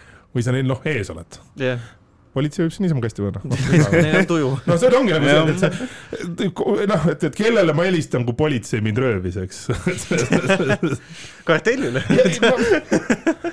aga teisipidi, noh, sa mõtled, noh, aga, aga kõige karmim selle puhul on ju see, et, et noh see, see, noh, kui rääkida regiooni probleemidest, eks ole, et noh, seal jällegi, ega Mehhiko on jäetud üksinda või Kolumbia, noh yeah., business kõrval, noh, need rahad tulevad sisse, Pablo Escobar, rääkides raamatutest, siis äh, kadunud äh, Jeesus, vot nüüd on alati see, et kui vaja ei ole nimi meeles ja kui kas vaja. tal poeg ei andnud välja mingisugust asja, mingisuguse asja? poeg andis ka, aga sest vaata, ma lugesin mingit intervjuud, mis poeg andis yeah isa kohta ka. aga sama äh, Mark Bowden, Mark Bowden, mees, kes on kirjutanud muuhulgas legendaarse Black Hawk Down raamatu mm, -hmm. mis on kõvasti parem kui film mm otse loomulikult, aga film on ka suht okei okay. mulle väga meeldib see, et nad filmis näitavad ära selle, kuidas see äh, Task Force Rangerite elu, noh, see on ju, see raamat algab selle, see opera-, päästeoperatsioon algab sellest, et sul saab mingi kaheksateist või üheksateist aastane kutt hüppab köiest mööda, sõdur, noh, mm. testosteroonist ja lihtsalt kütab pea ees kopterist alla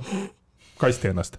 ja nüüd mõtle olla see eriüksuse juht, kes on see, et juba läheb hästi, noh, kuradi saavutused, noh. või pigem see, et sitemaks enam minna ei, ei saa või? kujuta ette, et võtame nüüd kuradi kõik õiest kinni. kujuta ette, sa oled see vend õhus olles nagu, et sa oled teinud oma väljaõpet, kõik asjad ja, läbi onju, said lõpuks missioonile ja, ja siis hüppad. see on esimene missioon. sa oled noh, see on see, et kus sa oled küll õhus olles, oled ilmselt täitsa täitsa maa, maapind võiks, maapind võiks tulla kiiremini. ei no ta oli ilmselt jõudis selle kolme sekundi jooksul öelda, mis seal mõhus oli, et noh, ma vist ilmselt väärin ka seda jaa, aga Mark Bounder on kirjutanud sellise legendaarse raamatu nagu Killing Pablo mm., mis, mis ongi siis selline dokumentaalülevaade, tema viimane minu meelest, kui ma õigesti mäletan äh,, oli The Guests of Ayatollah, seitsmekümne üheksanda aasta USA saatkonna pantvangikriisist ah,, mida juhtis toona tudengina hilisem Iraani president härra Ahmadinejad. Ähm, aga selles Killing Pablo on väga hästi kujutatud mitte ainult Pablo Escobari elu mm, -hmm. vaid ka selle perekonna politseinik, kes teda jahtima hakkas, noh, kus on samamoodi, et tal poeg kasvas üles mm. -hmm vaadates pealt, kas paps Pablot taga ajab ja täpselt nagu Pablo poeg, noh, peaaegu. Mm.. aga selle politseiniku poeg hakkas ka politseiks, nad nii-öelda mm. lõpuks nad isaga koos olid selles, noh, kui sihuke perevärk ja aga Pablo, Pablo poeg. Nagu seda, mis on Narcose sarjas ka suht hästi edasi antud. Mm.. Mida on ka noh, selles mõttes nagu huvitav vaadata ega see Narcos Mexico samamoodi. Pablo poeg muidugi õnneks papsi elukutset üle ei võtnud. ei, aga selles raamatus noh, just seda lugedes, noh, vot see on nagu jälle midagi, mis minu meelest on nagu selline äge konteksti saamine, kus ikkagi no sa näed, et mees on, ajakirjanik on ära teinud meeletu töö mm..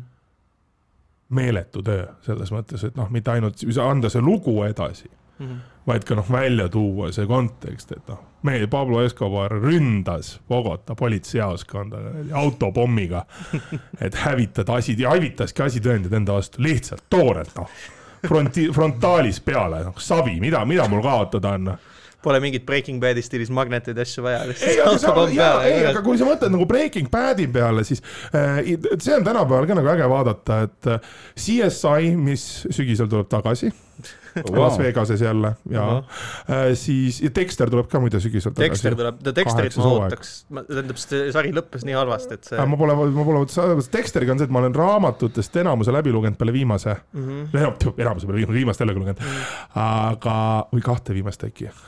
ma ütlen, et Dexter on raamat üldse ka no vot, seda mm. räägib äh, Dexteri autor, ütles selle kohta ka kunagi ühes intervjuus, et kui ta sarja hakati tegema mm., ta oli juba kolm või neli raamatut kirjutanud Dexterist ah,. Okay Äh, siis ta oli. see võib väga ketas saada, kui noh. ei, tema võttis seda huumoriga, ta ütles, et äh, äh ta oli New Yorki tulnud, et kas presenteerida äkki uut raamatut või osaleda show mm. mingil esi-, ühesõnaga. ja ta oli Times Square'is, hakkas oli taksos Times Square'is teel hotelli ja ta mm. nägi suurt plakatit, Showtime, Dexter yeah.. Yeah. Te-, ai, see oli vist teine hooaeg või midagi sellist yeah.. ja taksojuht nägi, et ta vaatab, ütles, et olete vaadanud seda, tunnistas ausalt, ei ole, see on päris hea. et noh, keegi võiks selliseid raamatuid kirjutada.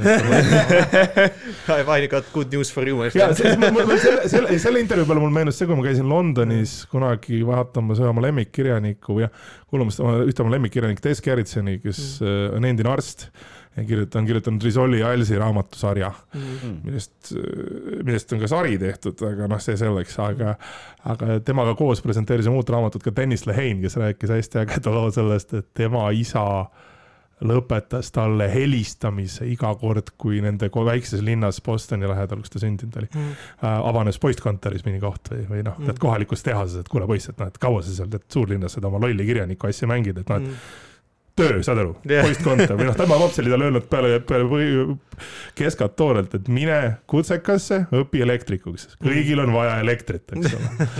aga ta ütles, et ta isa õpetas talle nende kõnede tegemise peale seda, kui ta oli talle külla sõitnud äh, Bostonisse. Mm. ja teel Bostonisse sisse oli ta näinud äh, oma poega suurel billboardil. Ja see oli tema kas äkki viies raamat või midagi. Mm.. aa, see oli Gangs of New York oh.. aa, okei. okay mis on ka see, et, et uh, being considered for a major motion picture. Ja siis, kui ta isa oli tema ja ta abikaasa koju jõudnud, siis õhtusöögilauas oli ta nii muuhulgas maininud, et ta nägi seda posterit ja Tõnis Lehine lihtsalt küsinud, et no ja mis sa arvad, sest no ma vist rohkem ei helista sulle nende töökohtade pakkumisega, et nagu noh, et, et Scorsese tegi filmi, et ma arvan, et nagu noh, saad hakkama. Neid on vist korras jah, et ja.. aga, aga kuhu, miks ma neid sarju mainin, see ongi nagu mm. see, et, et noh, CSI äh, tekitas omavahel, omal ajal niinimetatud CSI efekti mm.. et inimesed tahtsid õppida, nad küll avastasid muidugi, et see ei ole nii glamuurne nagu sarjas mm, -hmm. aga inimestel tekkis huvi Mm. Uh, Hawaii viis null reboot, mis nüüd küll peale kümmet hooaega läbi sai, õnneks mm., ma ei teagi tekitas huvi Hawaii saarte vastu. Mm oota, CSI siis sa mõtled huvi nagu kriminalistika? jah, kriminalistika õppimise vastu just. et noh, kui niimoodi mõelda, siis osade sarjad ikka, noh, Breaking Bad raudselt. ma väga loodan, et Dexteri, Dexteril ei olnud teatud mõju siis ma ka, aga vaata selle Dexteri. mis tudengid seda Dexterit õppima no, siis... ei, aga samas mina näiteks ütlen, et mina kujutan ette, et psühholoogidel või eriti just kriminaalpsühholoogia huvilistel ja kriminalistika huvilistel tegelikult Dexteri puhul ju ka on see, et, et mitte ainult see, et, et ta on kriminalist, mm. vaid noh, see tekitab selle huvitava küsimuse et noh, tegelikult psühholoogia ütleb meile, et sul ei saa olla moraalikompassiga sotsiopaat mm.. et Harry Code, see tema kasuisa yeah. äh, poolt noh, peale surutud mõte, et noh, killime ainult halbu inimesi, eks ole mm. -hmm. äh, ei noh, ei pääde, päädi yeah,, selles mõttes, et reaalsuses see ei ole võimalik mm. -hmm. et nad on, nad on väga head äh, miimi- äh,, järgitegijad yeah. ja matkijad aga noh, jällegi, kui sul see, jah, jah, no kui sul ei ole emotsiooni kui sellist, siis sa, sa, sa, sa ei saa seda õppida ka jah, selles mõttes, sa saad aru isegi, mis on nagu õige, mis on vale, aga ei, see on lihtsalt no, huvitav, see on lihtsalt huvitav, lihtsalt ei huvita üldse. ja noh, ja, ja raamatus on selles mõttes näiteks äh, on see sari ja raamatud ei lähe otseselt muidugi väga kokku, mis on ka selge et.... no ma loodaks ka, sest kui sa ütleks, et nad lähevad otse kokku, siis ma enam, ma teaks, kus lõpetada ei, ei, ei, minu meelest, minu mälul ma olen Dexteri esimest hooaega vaadanud. Ja see, ja see vist nagu kattub seal mingis osas mm. -hmm aga minu, nii palju kui ma olen vaadanud seda Synopsis, siis tekst, raamatutest ta juba esimeses raamatus kohtub oma vennaga. aa, ja Dexteri sarjas ta on, kohtub oma vennaga esimese hooaja lõpus. aa, okei, okei. aga ütleme nii, et kui me räägime nagu, et kas seda sarja on mõtet vaadata, siis esimesed kaks hooaega on nagu väga head kolmas on sihuke okei okay., neljas on, on suurepärane, sest seal on see John Lithgow, kes mängib fantastilist uh, Trinity Killerit. Ja siis on viies hooaeg, mis on noh, sihuke okei okay,, see on kuues, mis on noh, katastroof seitsmes, mis on jällegi meistriteos ja siis on kaheksas, mis on noh, täielik rongiõnnetus no ta on praegu kokku kaheksa siis? kaheksa on praegu, üheksas on siis nagu see, mis on teine. üheksa tuleb jah no,? sa panid ikka asjad nii väga paika praegu, sa oled ikka reaalne fänn ma olen fänn olnud ikka jah, ja mul oli väga kahju, mis nad, see, mul on täielikult see sarja seda lõppu vaadata, see oli see Look how they massacred my boy oli minu jaoks ikka täielikult see ah,. Okay. sest mulle väga, mulle sari väga meeldis tegelikult mingis mõttes, aga, aga lõpuks ta noh, oli oma aja ära elanud siis, mul oli see tunne, et sari oleks pidanud jät-, nagu et kõige tugevamad need teemad olid kõik esimestes hooaegades ära, et sari oleks tegelikult pidanud nagu lõppema sellega, mis lõpp, kuidas lõppes teine hooaeg, mis on nagu, oli kõige lähem asi, ütleme siis Manhuntile.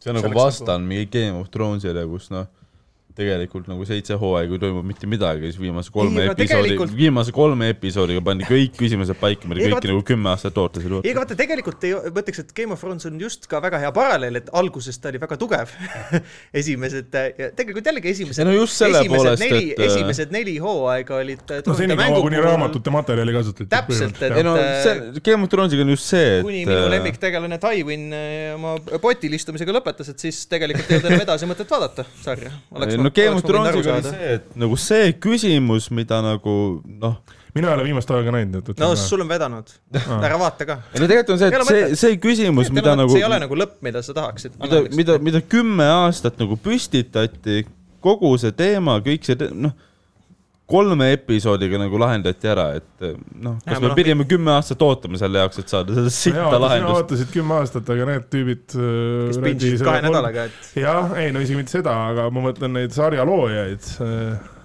Veis ja Banjov vist või? kes äh, alg-, kes noh, Mäsek põhimõtteliselt mõrvasid selle projekti ja. lootuses saada Tähesõdade film ja siis jäid sellest ka ilma. jah, ja siis vist, vist neid palkas Netflix, kes lõpuks ka neist loobus. jah ja nüüd ma ei tea üldse enam, mis nad teevad ausalt öeldes. aga räägitakse, et mingid Game of Thrones'i asjad tulevad uuesti ekraanile ka. eellugusid hakatakse tegema, no ja seal on materjali, millest muidugi teha, jumal. eellugu ma eeldan, et tehakse jälle raamatu põhjal, nii et äh.... minu teada mitte sest nagu raamat ju minu äh, teada algas nagu kõvasti varem millest on, äh, millest on eel, mis eellugu on üldse, Dance of Dragons või? vist küll, jah. kui on Dance of Dragons, siis noh, seal teatud materjali on, millest ikkagi teha küll. vähemalt neil on mingi idee, mille järgi nad peaks no plotline nagu järg... on olemas, ütleme niisiis, jah, sündmustik on olemas et aga... nad päris oma mõistust kasutada ei saa. no ma olen mures natuke selle sõrmustisanda asja pärast, mida tehakse praegu. aa, jah, jah.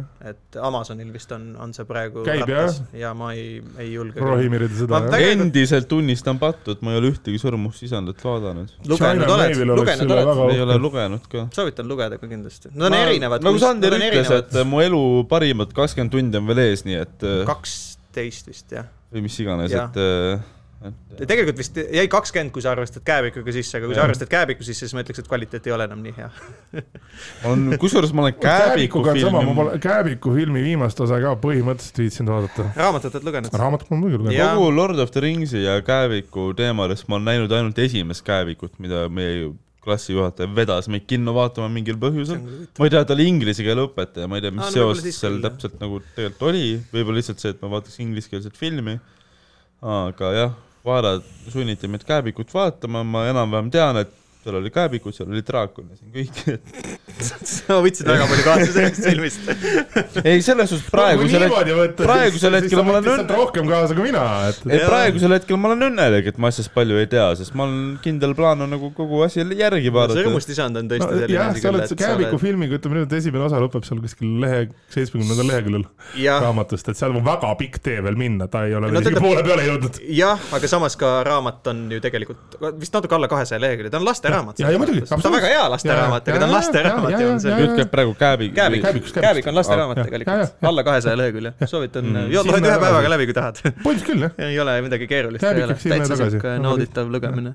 sõrmuste isandaga on see, et mina mäletan, mul oli sõrmuste isandaga see teema, et ma sain käima kolmanda korra peale, aga seda, seda ma tegin selle, et ma jätsin esimesed kuradi kaheksakümmend lehekülge seda keskmajalugu lugemata ja läksin kohe ploti kätte yeah.. ja siis ma suutsin ta läbi lugeda, sest esimesed kaks korda ma olin noh, umbes seal kuskil poole peal selle ajalooga. kas sa olid, on, mina olen lugenud vist mingit edition'it, kus on ka need, vaata need mingid teatud laulud ja siis ta on ka sinna ikka sisse põimitud kõik, et, et Tolkienil oli noh, laul oli tema jaoks hästi oluline ja siis no tähendab, üks asi on sõrmusti saanud, aga kui keegi on suutnud nagu Silmarillionist end läbi närida, et noh, siis respekt, sa oled saanud hakkama jah ja.? ma olen proovinud, aga ei. see oli suht keeruline on sul see alles või?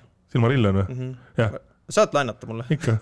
ma arvan, et äh, Popov on nii palju soovitusi täna jaganud, ma peaks ise tulema ükskord ta raamaturiiulit rüüstama, et äh, soovitusi okay, saada ja midagi laenata, et. me saame, ma arvan kindel, me jõuame sellise naturaalmajandusliku vahetuskaubani, kus ma toon mõningad äh, A Le Coq'i tooted ja mina, minu meelest on, ma ei mäleta, kes see ütles selle legendaarse lause, et tõelised sõbrad on need, kes laenavad raamatuid ja ei too neid tagasi. mul muidugi on sellega selles mõttes kurb kogemus, kui me räägime, et mul ei ole, mul ei ole probleemi laenata, aga ma reaalselt, ma olen jõudnud sinna, et mul omal ajal kabi, oma eelmise leivaisa jaoks töötades ma hoidsin oma raamatuid oma kabinetis mm ja mul on paar raamatut kaduma läinud, mille üle ma olen väga-väga kuri, mul mm. sellepärast, et need olid kõik autogrammidega autorid. No, no see on juba teine teema jah. jah, aga, aga noh, see on see, mis paneb mind alati nagu mõtlema, et, et noh, vot see on see vahest, et jagad välja mm. Ja noh, no üks asi, aga. ma mäletan sinu poolt mingi postitus võib-olla mingi aasta natuke rohkem tagasi Facebooki, kus oli see, et eh, palun sõbrad, kes on laenanud, et ja, ja, tooge ja, tagasi. see oli umbes selle, selle mõttega tehtud, et ma lootsin, et äkki keegi, mul on mingi, mingi ettekujutus olemas äh, kes, kus, millal. sest sa enam nagu ei mäletanud ka täpselt, et kellele andsid või? ei no ma jah, üks, ei isegi osa, noh, paari raamatuga oli see, et nad olid mul seal kabinetis riiulis, mis mul yeah. noh, loogika oli alati see, et noh, muidugi pole, pole kahju, kui kolleeg võtab, et noh, võta pane tagasi, vaata. nojah, aa, et sa isegi ei teadnud, et kes võttis, see. aa, okei. no siis on tegemist põhimõtteliselt vargusega muidugi ka. aga, aga noh. saatke raamatud tagasi või oodake kohtukutset ei no vaata, selle puhul see kõige nõmedam on nagu see, et noh, eks kolleeg oskab end kaitsta ka, vaata, see on see ei no üks nendest raamatutest näiteks oli vana õppejõu Torture Team, mis räägib Guantanamo baasist ja noh, sellega mm. on nagu seotud omamoodi hulk mälestusi ja yeah, yeah. ja noh, selles mõttes see ikkagi, ma mäletan, ma käisin selle raamatu presentatsioonil äh, ja siis peale seda samamoodi oli see, kus kus oli nagu tore vaadata, et see oli, see on oma, omapärane nagu hea saavutus, et selle raamatu põhjal härra kutsuti hiljem äh, mitte ainult äh, teda ei kutsutud president Obama inauguratsioonile, kuhu ta ei läinud, sest tal oli loeng järgmine päev. siis noh, me lootsime, et äkki ta läheb, aga ta vaatas kodus Londonis, aga ta käis senati komiteele ütlusi andmas, et noh, mm. ta tegelikult seda, Philip Sansi raamatuid soovitan lugeda, ta on praegu Inglise Pen Klubi president ja mm. tal on hetkel käimas, kui ma õigesti saan aru, et ta kirjutab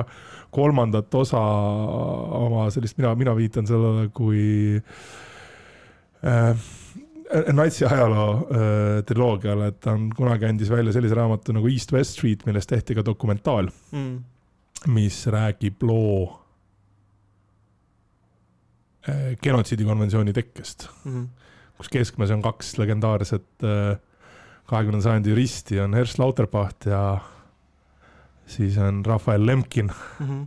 ja noh, seal muud, ja mees käis Ukrainas Lvivis äh, palju uurimustööd tegemas ja mm see on nagu huvitav, on see tavaliselt sellise teemaga raamatuid eesti keelde tõlgitakse suht kiiresti, aga see ei ole veel tõlkimist leidnud. Mm.. Siis oli, tema tegi ka podcast'i Ratline, mis on tema teise raamatu pealkiri, mis räägib armastusloost äh, noore neiu ja natsiohvitseri vahel, kes koos uh. siis põgenevad Argentiinasse ah. Ja nüüd ma sain aru, et ta kirjutab kolmandat raamatut mingi samasuguse plotiga, et okay. või noh, ma ei tea, mis, mis see pealkiri võiks olla, aga mm. sain aru, et varsti tuleb välja, et, et härral on selles mõttes väga produktiivne mees, et lisaks mm. oma karjäärile advokaadina ja on ta ka kirjanik ja õppejõud ja just äh, lõpetas koos grupi kolleegidega, töötas välja ökotsiidi definitsiooni, eks nad pakuvad täiendada Rooma statuuti mm. ja lisada eraldi kuritegu äh, keskkonna vastu mis on selles mõttes nagu mõte iseenesest on huvitav, aga ma, ma olen siin kõrvalt jälginud, et äh, kui keegi podcast'i kuulajatest juhuslikult mõtleb, et tahaks õigusteaduskonda lõpetada mingi huvitava magistritöö teemaga, siis Ecotsiid oleks väga hea valik, sellepärast mm. et juba definitsiooni väljatulekust on möödas natuke vähem kui kuu aega mm. -hmm. kõik on maks kettas no. vaidlusi meeletult, noh, diskussiooni ka mm. muidugi, aga, aga see on ka jälle nagu, kui mõelda selle peale, siis noh, kirjandusliku poole pealt, siis just need, ma arvan, see kombinatsioon kirjandusest äh, meediast, noh näiteks mm. sarjade puhul on ju ka see, et kui sa mõtled, et on, kui vaadata hiljem, et noh, eks The Wire mm., mina ütlen alati noh, tsiteerin seda, ma arvan, et noh, The Wire'it vaadates nii mõnigi tunneb ära ka Eesti olukorra. see küll keskendub Baltimoori mm. linnale, aga selle võiks täiesti edukalt teha Tallinnast yeah.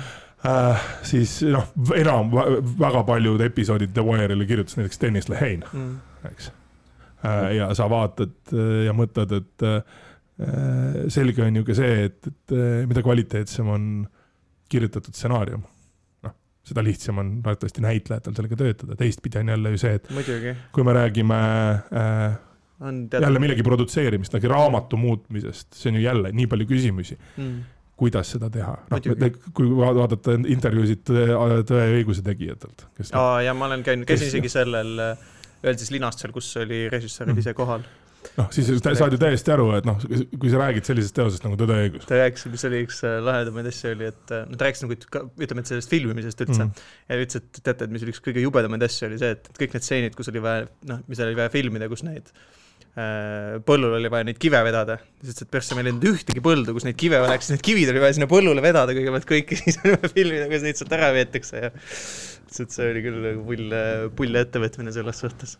ei, aga see, see on see täpselt, sa vahest mõtled, noh, et, et on olemas näiteks no, apteeker Melchiori filmi puhul, eks mm. ole äh,. olid mingeid rolle, mille peale ma tean, produtsendid rääkinud, et sul oli noh, teatud näitleja kohe ees ja sa pidid hakkama mõtlema selle peale, et, et noh kuidas me ta saame, kas, kas see on jah huvitav, et kas see on, kas see on see, et sa mõtled mõnikord mõne rolli peale küll, et noh, et kas see, kas nad nagu juba teadsid, et see, see mees on selle jaoks ideaalne või ta nagu muutus selleks rolli käigus. roll kirjutataksegi selle mehe jaoks. et näiteks ma ütleks, et jah. kas sa kujutaksid ette, ma ei, sopraanode, Tony Sopranot kujutaksid ette kellegi teisena kui James Gandolfinina või? No ma arvan, tänapäeval kindlasti mitte. ei usu ka jah, kuigi nüüd tuleb, äh, peatselt peaks välja tulema Many Saints of Newark. ei no selles, selle skaala saab ka nagu madalamale tuua. ta poeg. ta poeg mängib äh,. teda on jah, sama tegelast siis jah. selle skaala saab ka nagu madalamale tuua, et kas sa kujutad ette Helgi Sallot kellegi teise peale Almana, vaata. ei, aga ma ei ütleks, et me toome skaalat allapoole, see on tegelikult. ei no ütleme, et lokaalsemaks selles suhtes. või Salmonitest kedagi teist ka ei tee noh, mis tegelikult, kui sa niimoodi mõtled, siis nagu praegu, kui sa vaatad. sa kujutaksid ette te Terminaatorit kellegi teise nagu Arnold Schwarzenegger no.? kusjuures ma arvan, et kujutaks küll. kas ka, jah, ma ei ole nüüd viimast Terminaatorit küll vaadanud. ma mõtlesin just esimest, ütleme, esimest kahte filmi. esimest kahte või mm? -hmm no kui tollel ajal võttes ilmselt. pean uuesti vetsu minema, seekord ma, kord ma jätan rääkima nüüd. no olgu nii, pane minna. lihtsalt noh, olukord kaastada ei ole lugu. ei, no ma arvan, et ei ma, ma arvan, et sellega on nagu täpselt see koht, et, et, et eks, eks kindlasti no tempora mores noh, et tollel ajal kui niimoodi vaadata kino ajalugu, siis või noh mm., mis, mulle meeldib, on see, et noh, et Eestis on hakatud väga jõudsalt tegema asju ja mm., ja noh, näiteks kui ma lugesin uudiste nuppu selle meie valmiva filmilinnaku kohta, kus noh mm., räägitakse, noh, et, et Netflixil on huvi yeah. ja noh, siis meil on, aga samas noh, eks ole on mingi poliitiline vastuseis ja nii, siis ja see on ja, alati see, et aga seda mina mäletan, äh, olles ise ka Teneti võtteplatsil käinud. aa jaa, sa olid ju seal äh,. ma olin see mees, kes kas-, sai, läbis casting'u, jõudsin vaateplatsile, lehvitasin Christopher Nolanile mm. jess, kuradi kunagi. lehvitasid vastu ka või? ja oh., ja, ja, ja me, me, me silmad kohtasid, seal olid, oh, ütleme, silgud ja sooled äh, aga minu stseen jäi filmimata. no samas ma teenisin Easy'st kolmsada eurot, mis ma kunagi teeninud olen. aga noh, teistpidi jälle on see, ma just arvan, et, et äh, selle puhul noh, kõige ägedam, mis minu jaoks oli vaadata seda, noh, olla selle sees need mõned päevad. Mm. ja siis ana-, noh, mitte ana-, analüüsida on palju öeldud, aga nagu kuidagi lugeda neid kommentaare selle filmi, noh, muuhulgas nagu see, et noh, oli see Laagna, ta üks Vikipeedias on äge, on see, et see Laagna tee saaga on lausa eraldi välja toodud. Selle filmi puhul ja Mihhail Kõlvart ka otse loomulikult mm. aga, aga noh, kui ma mäletan neid noh, etteheiteid stiilist, mis mõttes, et noh, me anname mingi rahastust neile tagasi või noh, mingi yeah. riik maksab neile, et noh ma saan aru, et kui sa seda niimoodi võtad, eks, et noh, sa ei mõtle seda suure pildi peale. no ta ei mõtlegi, see on ju pigem on alati see, et annan raha, mis ma kohe vastu saan. eks see on see, aga teine just ongi noh. just kohe, rõhkan sõna kohe. aga teine ongi see, et vaata tava, inimene, kes ei ole selles protsessis sees kunagi olnud mm et noh, vot see ongi see, et, et jällegi noh, me, me elame niivõrd väikses riigis, et noh, meil on keeruline ette kujutada, et, et see produktsioon on midagi suuremat kui üks stuudio või midagi mm. sellist no me ei ole jah, meil ei ole üldse kogemusi selliste ei no nüüd meil on, ega Melchiori saagaga jaa, aga, aga, aga jaa, muidugi, absoluutselt. aga nüüd, kui ma vaatan, noh, jälgides teatud gruppe, kus info läbi käib, siis aina rohkem ja rohkem on tekkinud huvi Eesti kui filmi lokatsiooni vastu ja minu meelest on see väga äge. noh, kui sa vaatad ja. viimased kümme pluss aastat, noh, Rumeenia mm Steven Seagal on viimased kümme aastat tootnud noh, kuradi hunnikus filme, kus ta minu arust on Rumeenia kuradi rahvastiku kolm korda kasti pannud. Steven Seagal ei ole üldse ka seotud ju tegelikult nagu Venemaaga ja. ei, ta nüüd muidugi on üks, äh, ja, aga, aga, aga noh, filmib ta ju ikka äh, Rumeenias. aa, olgu nii. kaks-kolm nädalat, sul on jälle straight to DVD film valmis mm. Äh, selle kohta ma mäletan, kunagi lugesin intervjuud Dolph Lundgreniga Äh, mis on selles mõttes äge. legendaarne action staar. jaa, aga samas, kui sa mõtled, siis see, kuidas nad teises Expendables'i film neljas varsti tuleb välja. aa, teevad veel neljanda ka või? mul oli huvitav, kas on äh, siis tegemist sellise saagaga, mis on nii, et kõik äh, paaritud filmid ei ole nii head kui paaris filmid, loodaks no samas, Stallone järjekordselt kirjutab skripti. aa, ei no jumal siis. aga, aga teisipidi, vaata teises osas nad seal alguses koopas, mis iganes tema selle karakteri nimi on. ta on jah, mingi Trench või kes ta on. ja, ei, aga tal on mingi suht sihuke klassik kuradi Rootsi nimi tal muidu ka. ei, et vist tegelasel isegi väga ei ole, tegelastel on kõigil Aa, mingid lollid nimed antud okay, meelega seal, jaa no aga ühesõnaga seal nad teevad tõele nalja, et, et kus see Stathami karakter ja Äh, Stallone'i karakter omavahel arutavad, et huvitav, et mis see vend teeb. aa, pommi valmistab. ja, ja, ja ei no küsi talt, et what are you doing, I m making a bomb äh, aga tegelikult Dolph Lundgren lõpetas Rootsi kuningliku ülikooli tuumafüüsika erialal. vend loobus stipendiumist Harvardi ülikooli, et hakata oma esimese naise juhukaitseks ja pärast töötada turvamehena. eepiline vend. aga ta, ta elab äh, Mallorcal vist, kui ma õigesti, või, või, või, või, oli see Hispaanias mm.. ühesõnaga, talt kunagi küsiti, et kas ta plaanib nagu teadusesse tagasi minna, vend ütles miks, ta ütles, et noh, ma teen oma neli filmi aastas yeah. või kuus, no mis iganes mm.. Easy money. jah, seda küll. no mul on kokku kaks kuud tööd ja kümme kuud noh, siesta. see on mingi, ja ma olen, ma olen ka tagasi. Äh, see on mingi Conor McGregor lifestyle tundub olevat. ja, aga teistpidi, kui sa mõtled, et noh, sellest tüübil, kui niimoodi mõelda mm., tema tollel ajal hakkas tegema, siis ega kui noh kui see, mis praegu on Marvel Cinematic Universe mm., siis esimene mees kinolinal, kes mängis The Punisheri minu mälu järgi mm., mul oli Dolph Lundgren vist küll, jah. kaheksakümmend kuus vist või midagi sellist mm., kui see esimene ja see on see kõige tõetruum Punisher sellele originaalsele koomikstest, noh, vaata Punisheri karakter on ju arenenud, eks, et. jah ma ei tea, kas, kas ta nüüd nagu nüüdseks äh, mingi viimastes kujutlustes on, sest algselt Punisher on olnud ikkagi suhteliselt selline noh, ta, ta on tegelikult pigem, ta on põhimõtteliselt ka isegi, ma ei tea, mina, minu teada ta on ikkagi suhteliselt sihuke antikangelane isegi lõpuks isegi. ja muidugi, muidugi, absoluutselt. Äh, küll nagu võtab pätte maha, aga ta ei võta neid maha nagu Batman, et ma ei tapa kedagi, vaid noh, ta noh, võtab paari puhtaks. jaa, ongi, ongi ja, ja see ongi see, et kui vaadata seda karakteri arengut, siis ta ju algselt oli ta New Yorgi politseinik, hiljem ta muutus äh, mariiniks mm., kuigi filmis on ta mingil põhjusel Navy Seal mm. see on see paljude segadus, et mariinid on ikkagi jalaväelased, Navy Seals on mereväelased, see selleks yeah.. aga noh, ta ongi jah, selles mõttes see, see antikarakter, kes peale mm. seda, kui ta perekond mõrvatakse mm lihtsalt noh, hakkab kuradi mõrvama kõike, mis liigub. ta on põhimõtteliselt nagu on äh, soomlaste see Max Payne on omal ajal loodud palju stiili.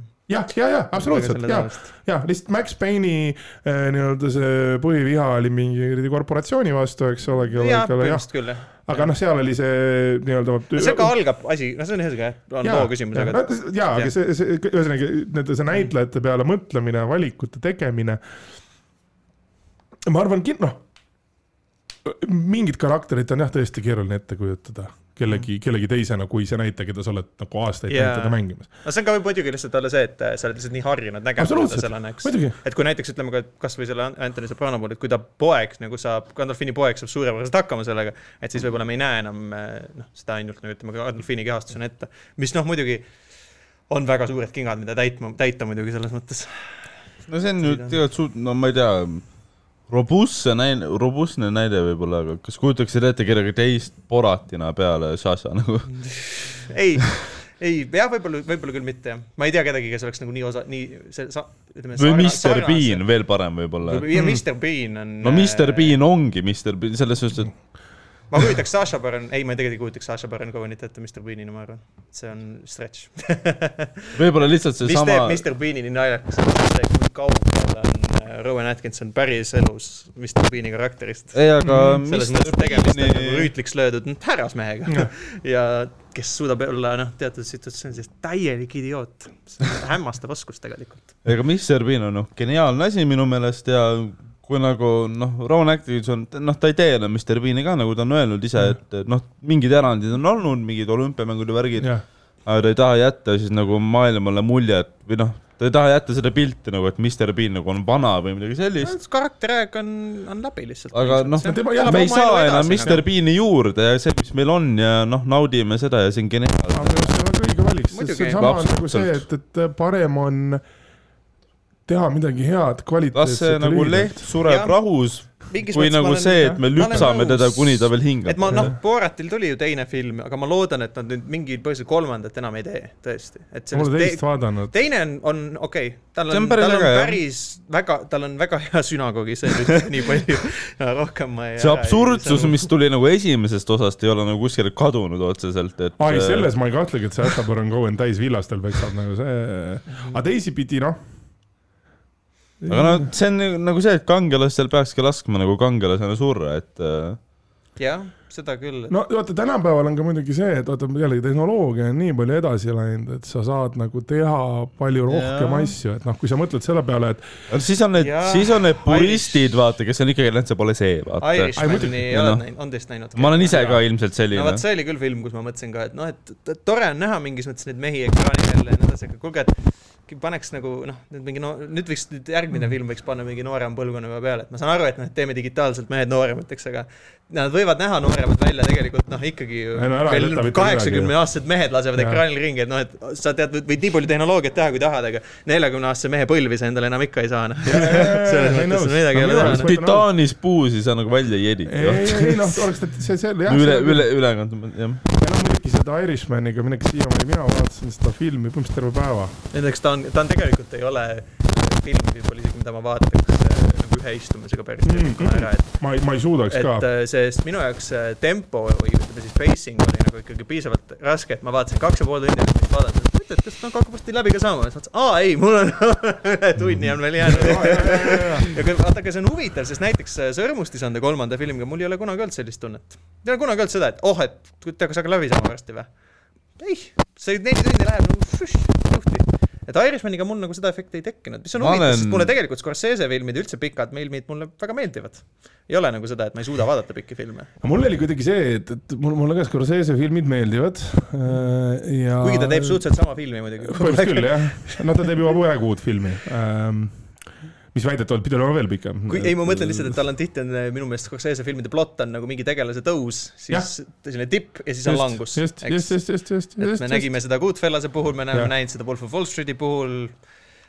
no Irishman on võib-olla ka mingi, mingi piirini, aga mitte päris muidugi. ei no minu jaoks oli selle filmi puhul see, et noh, kuna mina nagu see, nagu see Jimmy Hoffa nii-öelda lugu kui selline mm. oli tegelikult hästi teada mm.. et noh, selles suhtes sa tead, mis juhtub, lihtsalt noh, nüüd, nüüd sa teed, saad teada, kelle, kes seda tegi. Yeah.. siis äh, noh, ma olin vahepeal selline, et noh, kuskil umbes ka mingi kolm, kolmanda tunni keskel olin sellel tõdemusel, et nii aitab küll, pange Jimile see kuul pähe. Viige ta sinna kõrbesse ja lähme nüüd selle eluga edasi nagu selles mõttes, et me, me ei saa teda tagasi et eh, noh, sama mul oli Tarantino viimase filmiga, mul ma küll Tarantinot austan, aga see Once Upon a Time in Hollywood oli küll vahepeal niimoodi, et ma ütlesin, et kuule, Quentin, äkki mm. nüüd nagu noh, tulevad tiitrid. see meenutas mulle seda, kus ma käisin, ma mäletan, mis trans-, viimane kord, kui ma käisin Transformereid vaatamas, see, ma ei mäleta, mitmes osa see oli mm.. vaatan, et see lõppes sellega, et mäest olid, see oli täpselt see, et kus ma kaks korda mõtlesin, nii, nüüd vist on lõpp. Ei, esimest korda vaatad, ei ole lõpp, okei. Okay. mõtled, no nii, nüüd võiks no läbi saada, ei, mägedest tulevad mingid draakonid välja, see oli nagu fucking hell. Toimub nagu noh, ja, ja siis lõpuks oledki sealt sees, ma olin ka selline, noh, ma jäin magama lõpuks yeah.. et noh, ei suutnud ja peale seda ma pole rohkem Transformereid vaatamas käinud, ma ei suuda. mulle selles mõttes ma saan aru täiesti selgelt, et see Once upon a time in Hollywood, et kuna nagu mul olid lihtsalt need noh, see lugu kui selline ja see ka seda kogu see taustainfo, kogu need Mansoni mõrvad ja mm -hmm. need nagu mind olid hästi huvitasid mingi hetk, kui ma olin selle looga kursis, et siis, siis mul oli isegi põnev nagu mingi seda filmi täitsa vaadata, aga ma kujutan ka ette, et kui sul näiteks seda tausta nagu nii väga ei ole ka, siis see võib ikka maru igav film olla, sest et ta on ju kaks ei, mul, ja pool tundi. no ja, ja siis tuleb lõpp, mis on Just. muidugi noh, kinosaalis muidugi päris huvitav kogeda, ma ütlen ausalt, sest et äh, on päris huvitav näha inimeste Transformerid võib olla täpselt see, et mida nagu noh, kodus läpakas nagu väga vii-, ei viitsi vaadata, aga kui sul on see ikkagi noh päris nagu kuradi mitmesaja tolline ekraan ees. ei, suure ekraani pealt on absoluutselt kogemus hoopis teine. mul oli mm -hmm. vist, South Park on teinud kunagi hea mingi sketši, kus mingisuguses episoodis nad kutsusid Michael Bay, et kuulge, et mees, oleks vaja stsenaariumi kirjutada või midagi. ja siis kutt ütles, et no me paneme sinna, paneme plahvatuse, sinna paneme plahvatuse, sinna paneme plahvatuse, ütles, et need on ju ainult eriefektid siis ta ütles, aga mina vahet ei tee, siis me teame jah väga hästi, et sa ei tea, see nimi on Michael Bay, siis kutsuti Mel Gibson, kes noh, olenemata sellest, et ta on täielik nagu hull ja igasuguste lollustega hakkama saanud, siis loo struktuur on meelselgene lugu kirjutada oskab. mitte ajalooliselt täpset lugu, vaadates Bravehearti poole näiteks, aga noh, aga lugu kirjutada mees oskab kuulge. paneme asja purki. tegelikult on aeg sealmaal jah, et ähm.... me oleme kaks, kaks tundi, kolmteist minutit praegu. me oleme viimasel ajal üritanud hoida. Tarantinot põhimõtteliselt. me teeme Tarantinot jah, täna selles mõttes. me oleme viimasel ajal üritanud hoida episoodid enam-vähem tunniajased oh,. et äh, natukene rahulikum, natuke lühem ja noh, nüüd on, äh, nüüd on üle kahe tunni. jaa, aga tead, ma. oota, aga tead, tegelikult on äge episood ka... olnud väga, ma arvan, väga paljud inimesed said äh, väga palju uut infot. nõus ja noh, erinevalt ainult sinuga vesteldes ma nagu tänast episoodi täitsa nautisin ka selles mõttes ma pidin. mul on nii tore kõrvalt vaadata, kuidas emme ja issi kaklevad. oi, oi, oi, noh, sa ei, ma ei tea, kas sa oled meie podcast'i kuulanud äkki, aga noh, see, mis nagu siin juhtub, et siin ei ole väga palju juhtunud õnneks. noh, kõik need erinevad meetodid, mida Tauri on mulle tutvustanud, kuidas mina võiks oma väärtuseta elu lõpetada, et noh, kord kuus ta ütleb küll midagi asjalikku, mul on midagi kena, täna ta ütles mulle väga hea, et sa set-up'i tegid, noh, sellest mulle piisab, et järgmise kuu aega vastu pidada aga jah, see episood on jah jõudnud sinnamaale.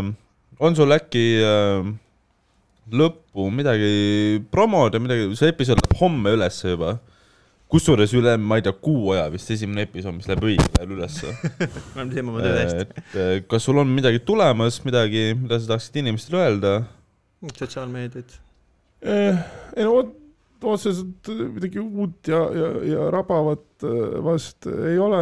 kakskümmend kuus august tuleb uus värske vere värske veri open mic. ma loodan, et ma ka olen seal kohal, sest et eh, plaani järgi olen, aga noh, allkirju pole veel antud, nii et aga minge vaadake mu uut klippi äh, Noortepeod äh, Comedy Estonia lehelt ja mm. ja see on siiamaani mul kõige, kõige edukamalt, absoluutselt, see on siiamaani kõige edukamalt läinud äh, klipi no, esitlus, nii et eile olin veel viies trending Youtube'is yeah.. no vot. et ja vaadake, vaadake mu vanu klippe ka, rääkige sõpradele vaatame, näeme Twitteris nagu öeldakse. kusjuures selle tänase episoodiga mul oli kindel plaan, kui ma nagu täna tulin siia et kuna sa käisid mul ka siin varem, see oli mu epi podcast, selle podcast'i teine külaline üldse hmm. ja nüüd sa oled kahekümnes, ma ei tea, järgmine, kahesajas oled ka sa kohal. no näed. vot, mul oli kindel plaan rääkida täna stand-up'ist ja noh, no kurat, jutt jookseb ja kõik see toimub nii hästi, et no ei jõudnud jälle, nii et eh, uuesti tulla. tuleb järgmine kutse mingi päev ja ega siit pääsu ei ole, jah. ja lugege mu blogi, Sassi album ja sa, ma ei tea, meil on siin kaks õpetajat, kas te tahate oma õpilastele midagi öelda? ei. ei, ma ei taha, neist, neist ma veel ei taha kuulda.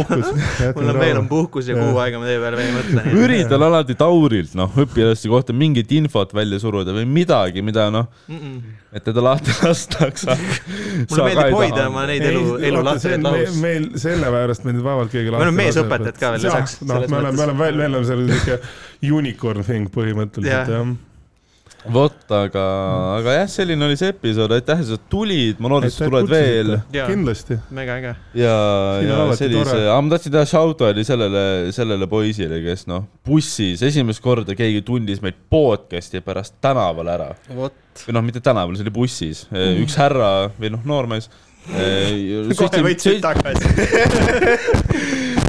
noormees siis bussis, kui ma sõitsin Piritalt töölt koju kodu poole, siis ta oli nagu vahekäik oli vahel ja istus teisel pool istmete peal.